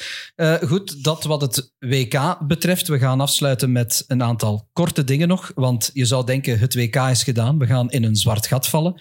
Ja, in, in, Zeker niet. in, tegen, in tegendeel, hè, Damien. Van 8 tot 14 januari, dus komende week, vindt de Qualifying School plaats, ofwel de Q-School. Eh, dit wordt verdeeld over twee speelterreinen. Je hebt de UK Q-School, die in Milton Keynes wordt gehouden, en de European Q-School, die in het Duitse Kalkar wordt gehouden. Daar gaan eh, alle niet-profdarters een gooi doen naar een tourkaart, wat dus een profstatuut oplevert. Oké. En daar gaan heel wat Belgen naartoe ook. Ja, ik kon niet. Eh Jammer, Lachte geen jij mij en- nu net uit? En dan Geen engine. Dat, jij zou wel een mooie toevoeging zijn, denk Ik ik. zweer het, bij een wakkel, joh, dat gaat er boek op zijn. aan, die, aan dat bord niet, maar met een wakkel gaat goed zijn. En zeker als we terugblikken op de supporters die je bij BV-darts mee had, met grote Dat trommels is aan normaal. het Dat kloppen is en noem maar. Ik moet het eens terugkijken. Dat was echt de moeite. Ja, dat, dat was Dat goed. was echt Eh, de moeite. maar dat is goed dat, dat die dingen er zijn, hè, want dan krijgt... Allee, iedereen maakt kans uiteindelijk. Hè. Ja, ehm, Mike, dat is eh, iets stevig, hè, die Q-school. Dat is, eh, dat is een hel. Ja. Dat is geen lolletje voor naartoe te gaan. Want ehm, ja, dat beslist je jaar. Hè. ja. Eh, je hebt daar, toekomst. ja, Ja, je, je, je daar, zeg maar, als je geen tourkaart hebt gehad en je gaat er nieuw naartoe, hè, de, hè, je moet eerst de, de first stage doen, dat zijn drie dagen. Je moet die plaatsen voor de final stage. Maar ja, in die final stage begin je terug van nul. En daar is het echt pas voor de tourkaart dat gespeeld. Ja. Ja. haalden ze niet, ja, dan, dan zijn er geen prof voor dat jaar. En, Ja. Dus daarmee dat ik zeg, dat beslist eigenlijk een jaar. ja. En misschien zelfs je toekomstig voor een groot stuk. Hè. Tuurlijk. Ja. Tuurlijk. Ja. Ehm, nu, nu is het al iets langer. Hè. Nu, nu ja, de eerste, eerste de, de first stage en dan de final stage. Vroeger was het gewoon vier dagen en klaar. Boom, ja. Nou, Ehm, om inderdaad nog eens extra in de verf te zetten wat VTM of VTM 2 probeert te doen voor darts. Eh, dit jaar zijn we met de VDM, VTM 2 Darts Academy begonnen, waarbij dus eh, een aantal spelers, een dertigtal spelers, intensief werden getraind door Erik Larijs. Daar zijn de helft ongeveer van gekozen. Dus we gaan al zeker met minimaal 15 spelers van die VTM Darts Academy daar aanwezig zijn, plus nog andere Belgen die een gooi gaan doen. Ja, Wat denk je, Mike? Wat wordt het voor de Belgen? Eh, ja, van die Darts Academy zijn er een paar dat ik zeg van die maken zeer goede kans. Ehm in mijn, mijn dingen zeg ik Andy Bates. Ja. Sowieso. Ik denk dat Mhm. iedereen dat wel zal zeggen. Mhm. zijn er ook verschillende van die van Darts Academy dat ik ook gewoon niet ken. Ehm, maar dan een andere dat ik zeg, als hij in vorm is, is David Fenk. Die Ja. ken ik al, al jaren. Dat is een hele gevaarlijke. Tja, voor de rest. eh, ik weet, Geert de Vos zat erbij. Maar ja, nu dan ze het, het- Ja, die gaat ja, niet. omdat ze het veranderd hebben naar veel meer in de week, kan hij dat niet combineren. Dus gaat hem niet. zonde, ja. Ehm, ja, voor de rest weet ik het niet. Ja, dat zal ook een beetje van een dag afhangen. Ja, op het moment van, van opname weten we nog niet de volledige lijst van de personen die zijn ingeschreven voor Q-School. Want tot 4 januari kon je inschrijven. Eh, dus op het moment van opname weten we niet exact hoeveel Belgen meedoen. Dus ik, ik gis maar een andere naam. Iemand als François Schwijen. Die kan toch ook ver geraken? Ja, maar die gaat niet. Die gaat niet. Nee, die, ehm, die gaat blijkbaar... Ik weet dat van, van Ludovic. Oké. Ehm, ook zelfde reden als Geert. Kan dat niet combineren met zijn werk. Ah, vreselijk, jammer. Dat is, eh, die gaat ehm, samen met, met een paar jongens, met Cedric Wagemans bijvoorbeeld, want die gaat ook niet. Nee. Die eh, gaan het WDF-circuit af en eh, proberen plaatsen voor uit. Ja, enerzijds ook mooi dat ze voor WDF gaan. Anderzijds spijtig. eh. Tja, logische keuze. Hè? Niet iedereen kan zomaar zijn job opzij zetten. Hè? Eh, het is niet omdat je een tourcard haalt. Weet je, nu iedereen ziet dat schoon. Hè? Je verdient veel geld. Eh, gelijk Littler ook, die pakt 200.000. Maar dat is er één. Hè? Voilà. En het is er ene dat WK wint. Ja, het is niet voor iedereen weggelegd om, om poen mee open te scheppen. Ja. En het is ook geen zekerheid dat als je een tourcard haalt, dat je gelijk veel geld verdient. Hè? Dus, dus ik snap dat. Ja. Bij deze wil ik ook nog een warme oproep doen aan alle mensen ook op sociale media. Eh, toen de Belgen vroegtijdig werden uitgeschakeld op dit WK, eh, was er één plaatje dat eh, voortdurend werd opgezet door veel mensen. Namelijk dat, oh, wacht maar, Andy Bates gaat eh, het komende jaar de PDC kapot spelen. Ik wil het met eh, woorden van, eh, van Bart de Wever zeggen. Zet die plaat af. Zet die plaat af, want er wordt heel veel druk op de schouders van Andy Batens gelegd. Hij is WDF wereldkampioen. Hij gaat een gooi doen naar een tourkaart en hij gaat er dichtbij zijn. Maar stop met te denken dat hij de beste Belg is en dat hij de PDC onmiddellijk gaat kapot spelen. Dat is echt te veel druk leggen op die man zijn schouders. Of ben ik fout, Mike? Nee, dat is. En ik zie dat er ook niet in.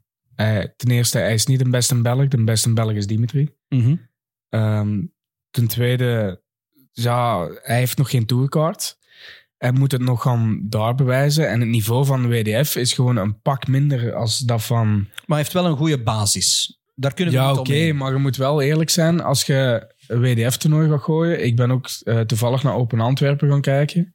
Weet je, daar kunnen gewoon ja, drie, vier rondes dat je geen tegenstand hebt. Dat je zo doorkomt.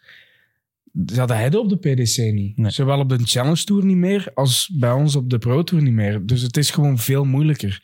Dus om te zeggen dat, pas op, Andy komt eraan en gaat alles kapot spelen, ja, dat vind ik, dat vind ik er gewoon over. Dat, dat gaat niet. En Brian was ook nummer één natuurlijk bij de WDF. Hè? Die is nu ook tourkaart Ja. kwijt. Brian, Maar het niveau van Brian en Andy zit wel op een paar stappen verschil, vind ik. Ik vind Brian was goed. Dat zeg ik niet. En hij heeft mooie dingen laten zien. Maar Andy zijn niveau ligt wel een, een, een paar treden hoger dan dat van wat dat, Ja. wat dat bij Brian is geweest bij de WDF. Alles moet gespeeld worden en afwachten. En eh, we zien het wel Ja. allemaal, ja, toch? aan alle Belgen die deelnemen aan Q-School, heel, heel veel succes. En Nederlanders ook hoor. Ja, ja, Nederlanders ja. ja. Ja, ja, ja, Vergeet die natuurlijk. Nederlanders niet over dan. Ja, precies. Uiteraard, uiteraard. Bijvoorbeeld een Jeffrey de Graaf of een Jules van Dongen. Dat zijn dan Plezier. geen Nederlanders, maar er zijn er één. Oh, die was vorig jaar ook eh Ja, teleurstellend. in de Ja. eerste fase al eruit. Inderdaad. Terwijl iedereen dacht, die gaan een tourkaart halen. Ja. Zie je, dus zo, zo makkelijk aan het fouten Ja. op, Ja, eh, ja. op Q-School. Dus Q-School komt eraan. En op eh, 1 februari, eh, donderdag 1 februari, begint de Premier League. Met Dus Luke Littler. Met Luke Littler. We hebben acht namen. Luke Humphries, Michael van Gerwen, Michael Smith, Nathan Espinel, Gerwin Price, Rob Cross, Peter Wright en Luke Littler. Dat zijn de acht namen. Zijn dat acht terechte namen, Mike? Ik ga eerst eh, naar jou richten. Ehm, Je mag uw gedacht zeggen. Ik heb dat ook gedaan. Al in Ja. een andere Ja. reactie. eh, Peter Wright. Ja, ik weet het niet. Ik denk... Peter Wright was zes weken geleden nog de nummer twee van de wereld. Hè? Ja, oké, maar ja. Ze, ze, ze hebben altijd het WK als een van de grootste criteria gepakt voor eh, de Premier League. Als je dan je eerste wedstrijd er zo kansloos afgaat. Al en- twee WK's op een rij. En jij, ja, en jij hebt geen schitterend jaar gehad. Hij heeft het EK gewonnen, Ja, EK maar dat is het enige. Voor de rest is er niks dat eruit schiet. De Eurotour gewonnen. Ja, maar dat is ook geen... Luke Humphries wint er vorig jaar drie en Ja. hij werd ook niet gekozen. Dus Nee, dat is waar. Eurotours dat is waar, vind ik niet dat je er al mocht bijpakken. Nee. Ja, dan vind ik niet dat ze er hem mogen insteken. Een andere naam, ik snap dat ze hem pakken, maar Luke Littler vind ik te vroeg. Ik vind ook niet dat je die jongen, die speelt nu zijn eerste toernooi, hij doet waanzinnig goed. En het is een, een, een waanzinnig talent. Maar om die gelijk week in, week uit bij de top 8 van de wereld te steken, denk ik dat het te vroeg is voor die jongen. Het kan zijn dat hij er beter uitkomt, hè. dat kan. Maar het is al vaker geweest dat ze mensen de Premier League geven en, en dat eigenlijk al er een ondergang is. Dus ik hoop dat dat niet is. Maar de rest van de namen, ja, ja dat zijn de, zo wat de, de namen die ze ieder jaar pakken. Dus. Ja, lijkt me logisch. Hè? Dat is de huidige top 6 op dit moment. Plus dan ehm, Peter Wright en Luke Littler. Eigenlijk, nummer 7 is eruit en Lidl is erin. Dat is Ja. het eigenlijk. Verder is Ik, het gewoon ik denk dat we eigenlijk een lijn kunnen... Het is een constante bij die PDC is dat ze niet consequent zijn. Ze, ze behouden zich het recht om altijd te pas en te onpas iets eh, voor Ja. hun eigen, in hun eigen voordeel te kunnen steken. Dat is Ja. zo met die, met die benoeming van de Premier League zeggen, de eerste vier die zijn automatisch en de rest, dat kiezen wij. Ja. En, en dat, dat zorgt altijd, dat zit altijd wel een beetje kwaad bloed bij de mensen die eigenlijk er zouden moeten bijzitten, maar zij toch beslissen van nee, wij kiezen nu voor iets anders. En daaraan zie je dat zij enerzijds gaan voor de sport, maar anderzijds ook gaan voor het vertier en een beetje ja, voor hun eigen profijt. Maar ja, stel je was nu voor de top 8 gegaan, dan had Noppert er dus bij gezeten, niet Littler. Ja, ik denk Ja. Dat, dat, dat we allemaal kijken we liever naar Littler dan de Noppert, toch? I know, maar, maar waar trekt de lijn? En zo is dat met alles. Zo is dat met het vestimentaire, zo is dat met, met, met de walk-on, eh, zo is dat met hun regeltjes. zijn altijd zo'n beetje à la carte. En ze draaien en keren die naar hun eigen... Ja, dat is. Klopt. Want ik weet, toen dat ik begon, ehm, ik ging een Eurotour qualifier doen. En dat is dan ook hè, met Walkan. Ja. En eh, dan werd er tegen mij gezegd dat ik geklede schoenen moest aandoen. Hè, dus, dus ja, puntschoenen zeg Ja, maar. ja. Ik naar de stad van die verschrikkelijke puntschoenen gaan halen, want ik had dat niet. Kom ik daartoe, zie ik daar iedereen met sneakers lopen. ja, voilà. Die een zwarte Nikes, zwarte Adidas, allemaal sneakerschoenen. Dan denk je, je moet mij zien lopen Voilà. als ik met mijn clowns. En dan, dan vind dat is niet tof, hè? Nee, tuurlijk niet. Dus, Dus- ik, ik snap wat je bedoelt. Ja, ik, ik meen me ergens ook te herinneren, was die Humphries niet dat vorig week of twee weken daarvoor dat dat niet geselecteerd was, dat ook ergens eh, eh, De afgelopen jaren. een Ja, dingetje ja. was, hè? Ja. Die ergens zei, maar eigenlijk moet ik erbij. En dan zegt de nee, nee, we kiezen voor iemand Die was nummer 5 van de wereld inderdaad. En eh, Dimi was 11e. Ja, die werd en wel die mocht gaan, zo was het. Ja. Omdat hij dan een leuke walk on en die zorgt voor... En omdat Timmy natuurlijk wel halve finales bereikt. I know, maar, ja, maar wa- waar trekt het de lijn? Is, het- is het geclasseerd? Is het geprestaties? Dus, en dat is eigenlijk eh, de constante die ik zie als ik, als ik jullie hoor praten. Dan denk ik van, oh, maar wacht even, helemaal klopt het. Maar ja, ze moeten natuurlijk ook kaarten verkopen. Hè? Als, als, wat ik zeg, als Norbert erin zit en geen Littler... Ja, en de kaartverkoop loopt Tuurlijk. terug of de kijkcijfers... Ja. Ja. dat, dat, daar hebben Ja. zij dan last van. Ja, maar ze- spreekt dat dan ook uit? Ja. Zeg dan wel, wij kiezen en dan kun je niet baseren op het een of het ander. Dan is het gewoon, ja, hopen dat zij voor jou kiezen. En dan gaan er misschien nog spelers een walk-on een beetje anders aanpakken. Dan gaan die zeggen, oké, ik moet hier wel nog iets anders doen dan gewoon wat pijltjes smijten en Ja. saai een boel spelen. En dan gaat er misschien nog meer entertainment krijgen Mhm. in je sport. Mhm. Als, het, als die kaart wordt getrokken. Dat is wat. Kijk, ehm, het format voor de Premier League blijft ook dit jaar hetzelfde als eh, de voorgaande jaren. Oei, ik... eh, Ja, maar ik, Verschrikkelijk. Ik Oei. vind dat verschrikkelijk. Oei. Ik, de Premier League was veel beter dan ze gewoon de, de, de vijf matchen of de zes matchen. Vijf matchen was Het waren toen. tien spelers toen. Hè? Nou, Ja. vijf. Gewoon zo, vijf. Je ziet iedere week dezelfde wedstrijden nu. Het is gewoon iedere week hetzelfde. En ik Ja. vind er niks van. van Ik vind er ook wel wat Ja, ik, had het vroeg, ik had gisteren had ik met Vincent van der Voort eh, over dat vroeger was het echt bijvoorbeeld zag je werd het schema bekendgemaakt zag je van Barneveld Taylor weet je daar zet ik een cirkel omheen en, en dan moet je thuis zijn die wedstrijd wil je dan zien maar nu heb je die wedstrijden zijn iedere week zijn Ja, ze al, allemaal wat tegen, Ja, tegen om, om, om toch nog even te kaderen. Dus de acht spelers die geselecteerd zijn, die gaan 16 weken lang eh, telkens een mini-toernooitje spelen. Lang, de, de eerste is dus op donderdag 1 februari in Cardiff. Op 18 april een bezoekje aan eh, de Rotterdam Ahoy. En de vier spelers die het best gepresteerd hebben na 15 weken, die gaan op eh, donderdag 23 mei in de playoffs strijden om de eindzege in de O2 Arena in Londen. Eh, ga je naar Rotterdam? Ik, dat is wel de planning inderdaad ik weet nog niet eh, of ik er voor werk heen ga of dat ik er gewoon eh, voor de leuk heen ga Oké. dat moet ik nog even zien maar eh, ik zal er wel zijn denk ik inderdaad Oké, kijk, dat is om naar uit te kijken. Natuurlijk de Premier League. Trouwens, één dagje na de eerste speeldag hebben we ook al de eerste major van het jaar vanaf 2 februari met de Masters in dat weekend. We gaan afsluiten met een aantal giveaways. U kon prijzen winnen doorheen het WK. We hadden een aantal prijzen weg te geven. En ehm, we hebben al twee van die prijzen afgeklopt. Damien, ik kijk vooral naar jou. Ja, ik ben even de, de, de winnaars aan het zoeken. Ja, we hebben van Jerry Hendricks hebben we natuurlijk eh, al bekendgemaakt Ja. gisteren. Hebben we, eh, voor de winnaar, die kan het nog even zien op Ja. ons eh, De YouTube-kanaal. stingerpijlen van Bulls. Ja, ja, en dan hebben we nog twee prijzen weggegeven. Dat is deze. Van Raymond van Barneveld natuurlijk. Hè. Moest je ons voor volgen op Instagram, je vrienden taggen. En een mooie foto van maken. En eh, dan kunnen we bekendmaken dat die zijn gewonnen door Thibaut.trouwkens. Die kunnen feliciteren. Die krijgt Dat is dit, zijn eh, naam, Thibaut Puntrouwkens. Ja, dat is Instagram-naam. ja, dat is Maar, Ja, dat, ja, maar nee, je zegt toch gewoon Thibaut Trouwkens en zot? Ja. Ja. maar is, dat, is dat iets Hollands of wat? Dat je leestekens begint uit te spreken. dat is zijn Instagram-naam. Dus, uh, Timo Vertrouwens. Zou dat dan niet Heet Konijntje 69 is? Of wat, wat had hij dan gezegd? Wat had hij dan gezegd? Oh boy, echt Nou. waar, fantastisch. Dit setje komt in ieder geval die kant op. Heet puntkonijntje. ja. Het zal wel, joh. Ja. Ah, wel. En, eh, maar Thibaut, proficiat. Ja, by the way, ja. wij gaan u, wij gaan u proberen contacteren via je, je Instagram Ja. eh, dus eh, proficiat alvast. ja, ik, ik durf de volgende naam bijna niet meer uit te spreken. Ja. Dus ik zal het goed uitspreken. Rens van der Wal. Die eh, had de quizvraag go- goed van Kim Huibrechts. Hadden we de vraag hoe vaak hij als topseed eh, Voor België. voor België naar het WK ging inderdaad. En het goede antwoord was eh, acht. En nou, dan moesten we verloten. En hij heeft uiteindelijk eh, heeft hij gewonnen. Dus hij krijgt het shirtje van Kim. eh, zorgen dat Ja. zijn kant op komt. Dus Dus, we neem gaan- even contact met ons. Ja, we gaan die persoon ook contacteren om te weten wat natuurlijk de juiste shirtmaat moet zijn. En dan regelen we dat met Kim, dat er een juist shirt wordt opgestuurd. Proficiat aan de winnaars. We hebben nog giveaways gehad, maar die gaan we later dan in een andere video bekendmaken. Ja, we hebben nog een shirt van Mario hebben we inderdaad weggegeven. En we hebben nog via challenge.com, degene die het klassement heeft gewonnen. Die kreeg, die kreeg nog een leuke goodie, eh Ja. goodie bag. Dus stay tuned wat betreft die andere twee prijzen die we nog moeten weggeven.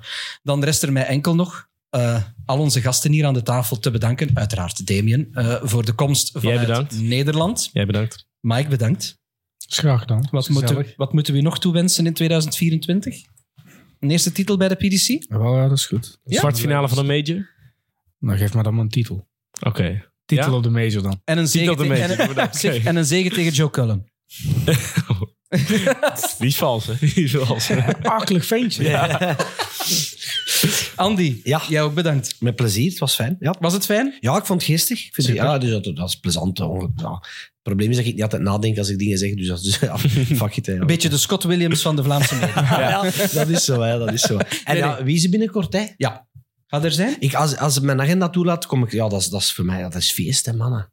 Dus mag we zien ik, elkaar en mag daar. ik u daar dan eh, interviewen? Je hebt dat vorig jaar ook, of twee jaar geleden ook. Twee jaar geleden. Bij, bij mijn nekvel ook gepakt, Ja, stinker. Ja, ja. Dus dan gaan we dat terug doen, dat is goed. Ja, alright. Goed. Eh, dames en heren, bedankt dat jullie zowel naar de voor- als de nabeschouwing van eh Double Top gekeken hebben via het kanaal van Friends of Sports. Hou natuurlijk ook, daar moeten we ook eh, reclame voor maken, ons eigen YouTube-account in de gaten van Double Top, want daar posten wij ook heel vaak content op. En dat zal ook in 2024 niet anders zijn, hè Damien? Zeker, zeker. Er komt, eh, komen ook nog andere leuke dingen aan, maar die kunnen we nog niet eh, Dat bekendmaken. Nee, nee, We gaan eh, nog eh, even teasen, maar we zijn nog op andere plannetjes aan Ja, het eh, broeden inderdaad. voor in 2024. Bedankt dat u ook massaal op VTM 2 en voor Nederland naar Viaplay naar het eh, WK Darts hebt gekeken. Het zwarte gat komt er niet. Nu Q-School en binnenkort dus Premier League en de Masters. Dus eh, heel wat om naar uit te kijken in 2024. Bedankt en tot de volgende keer.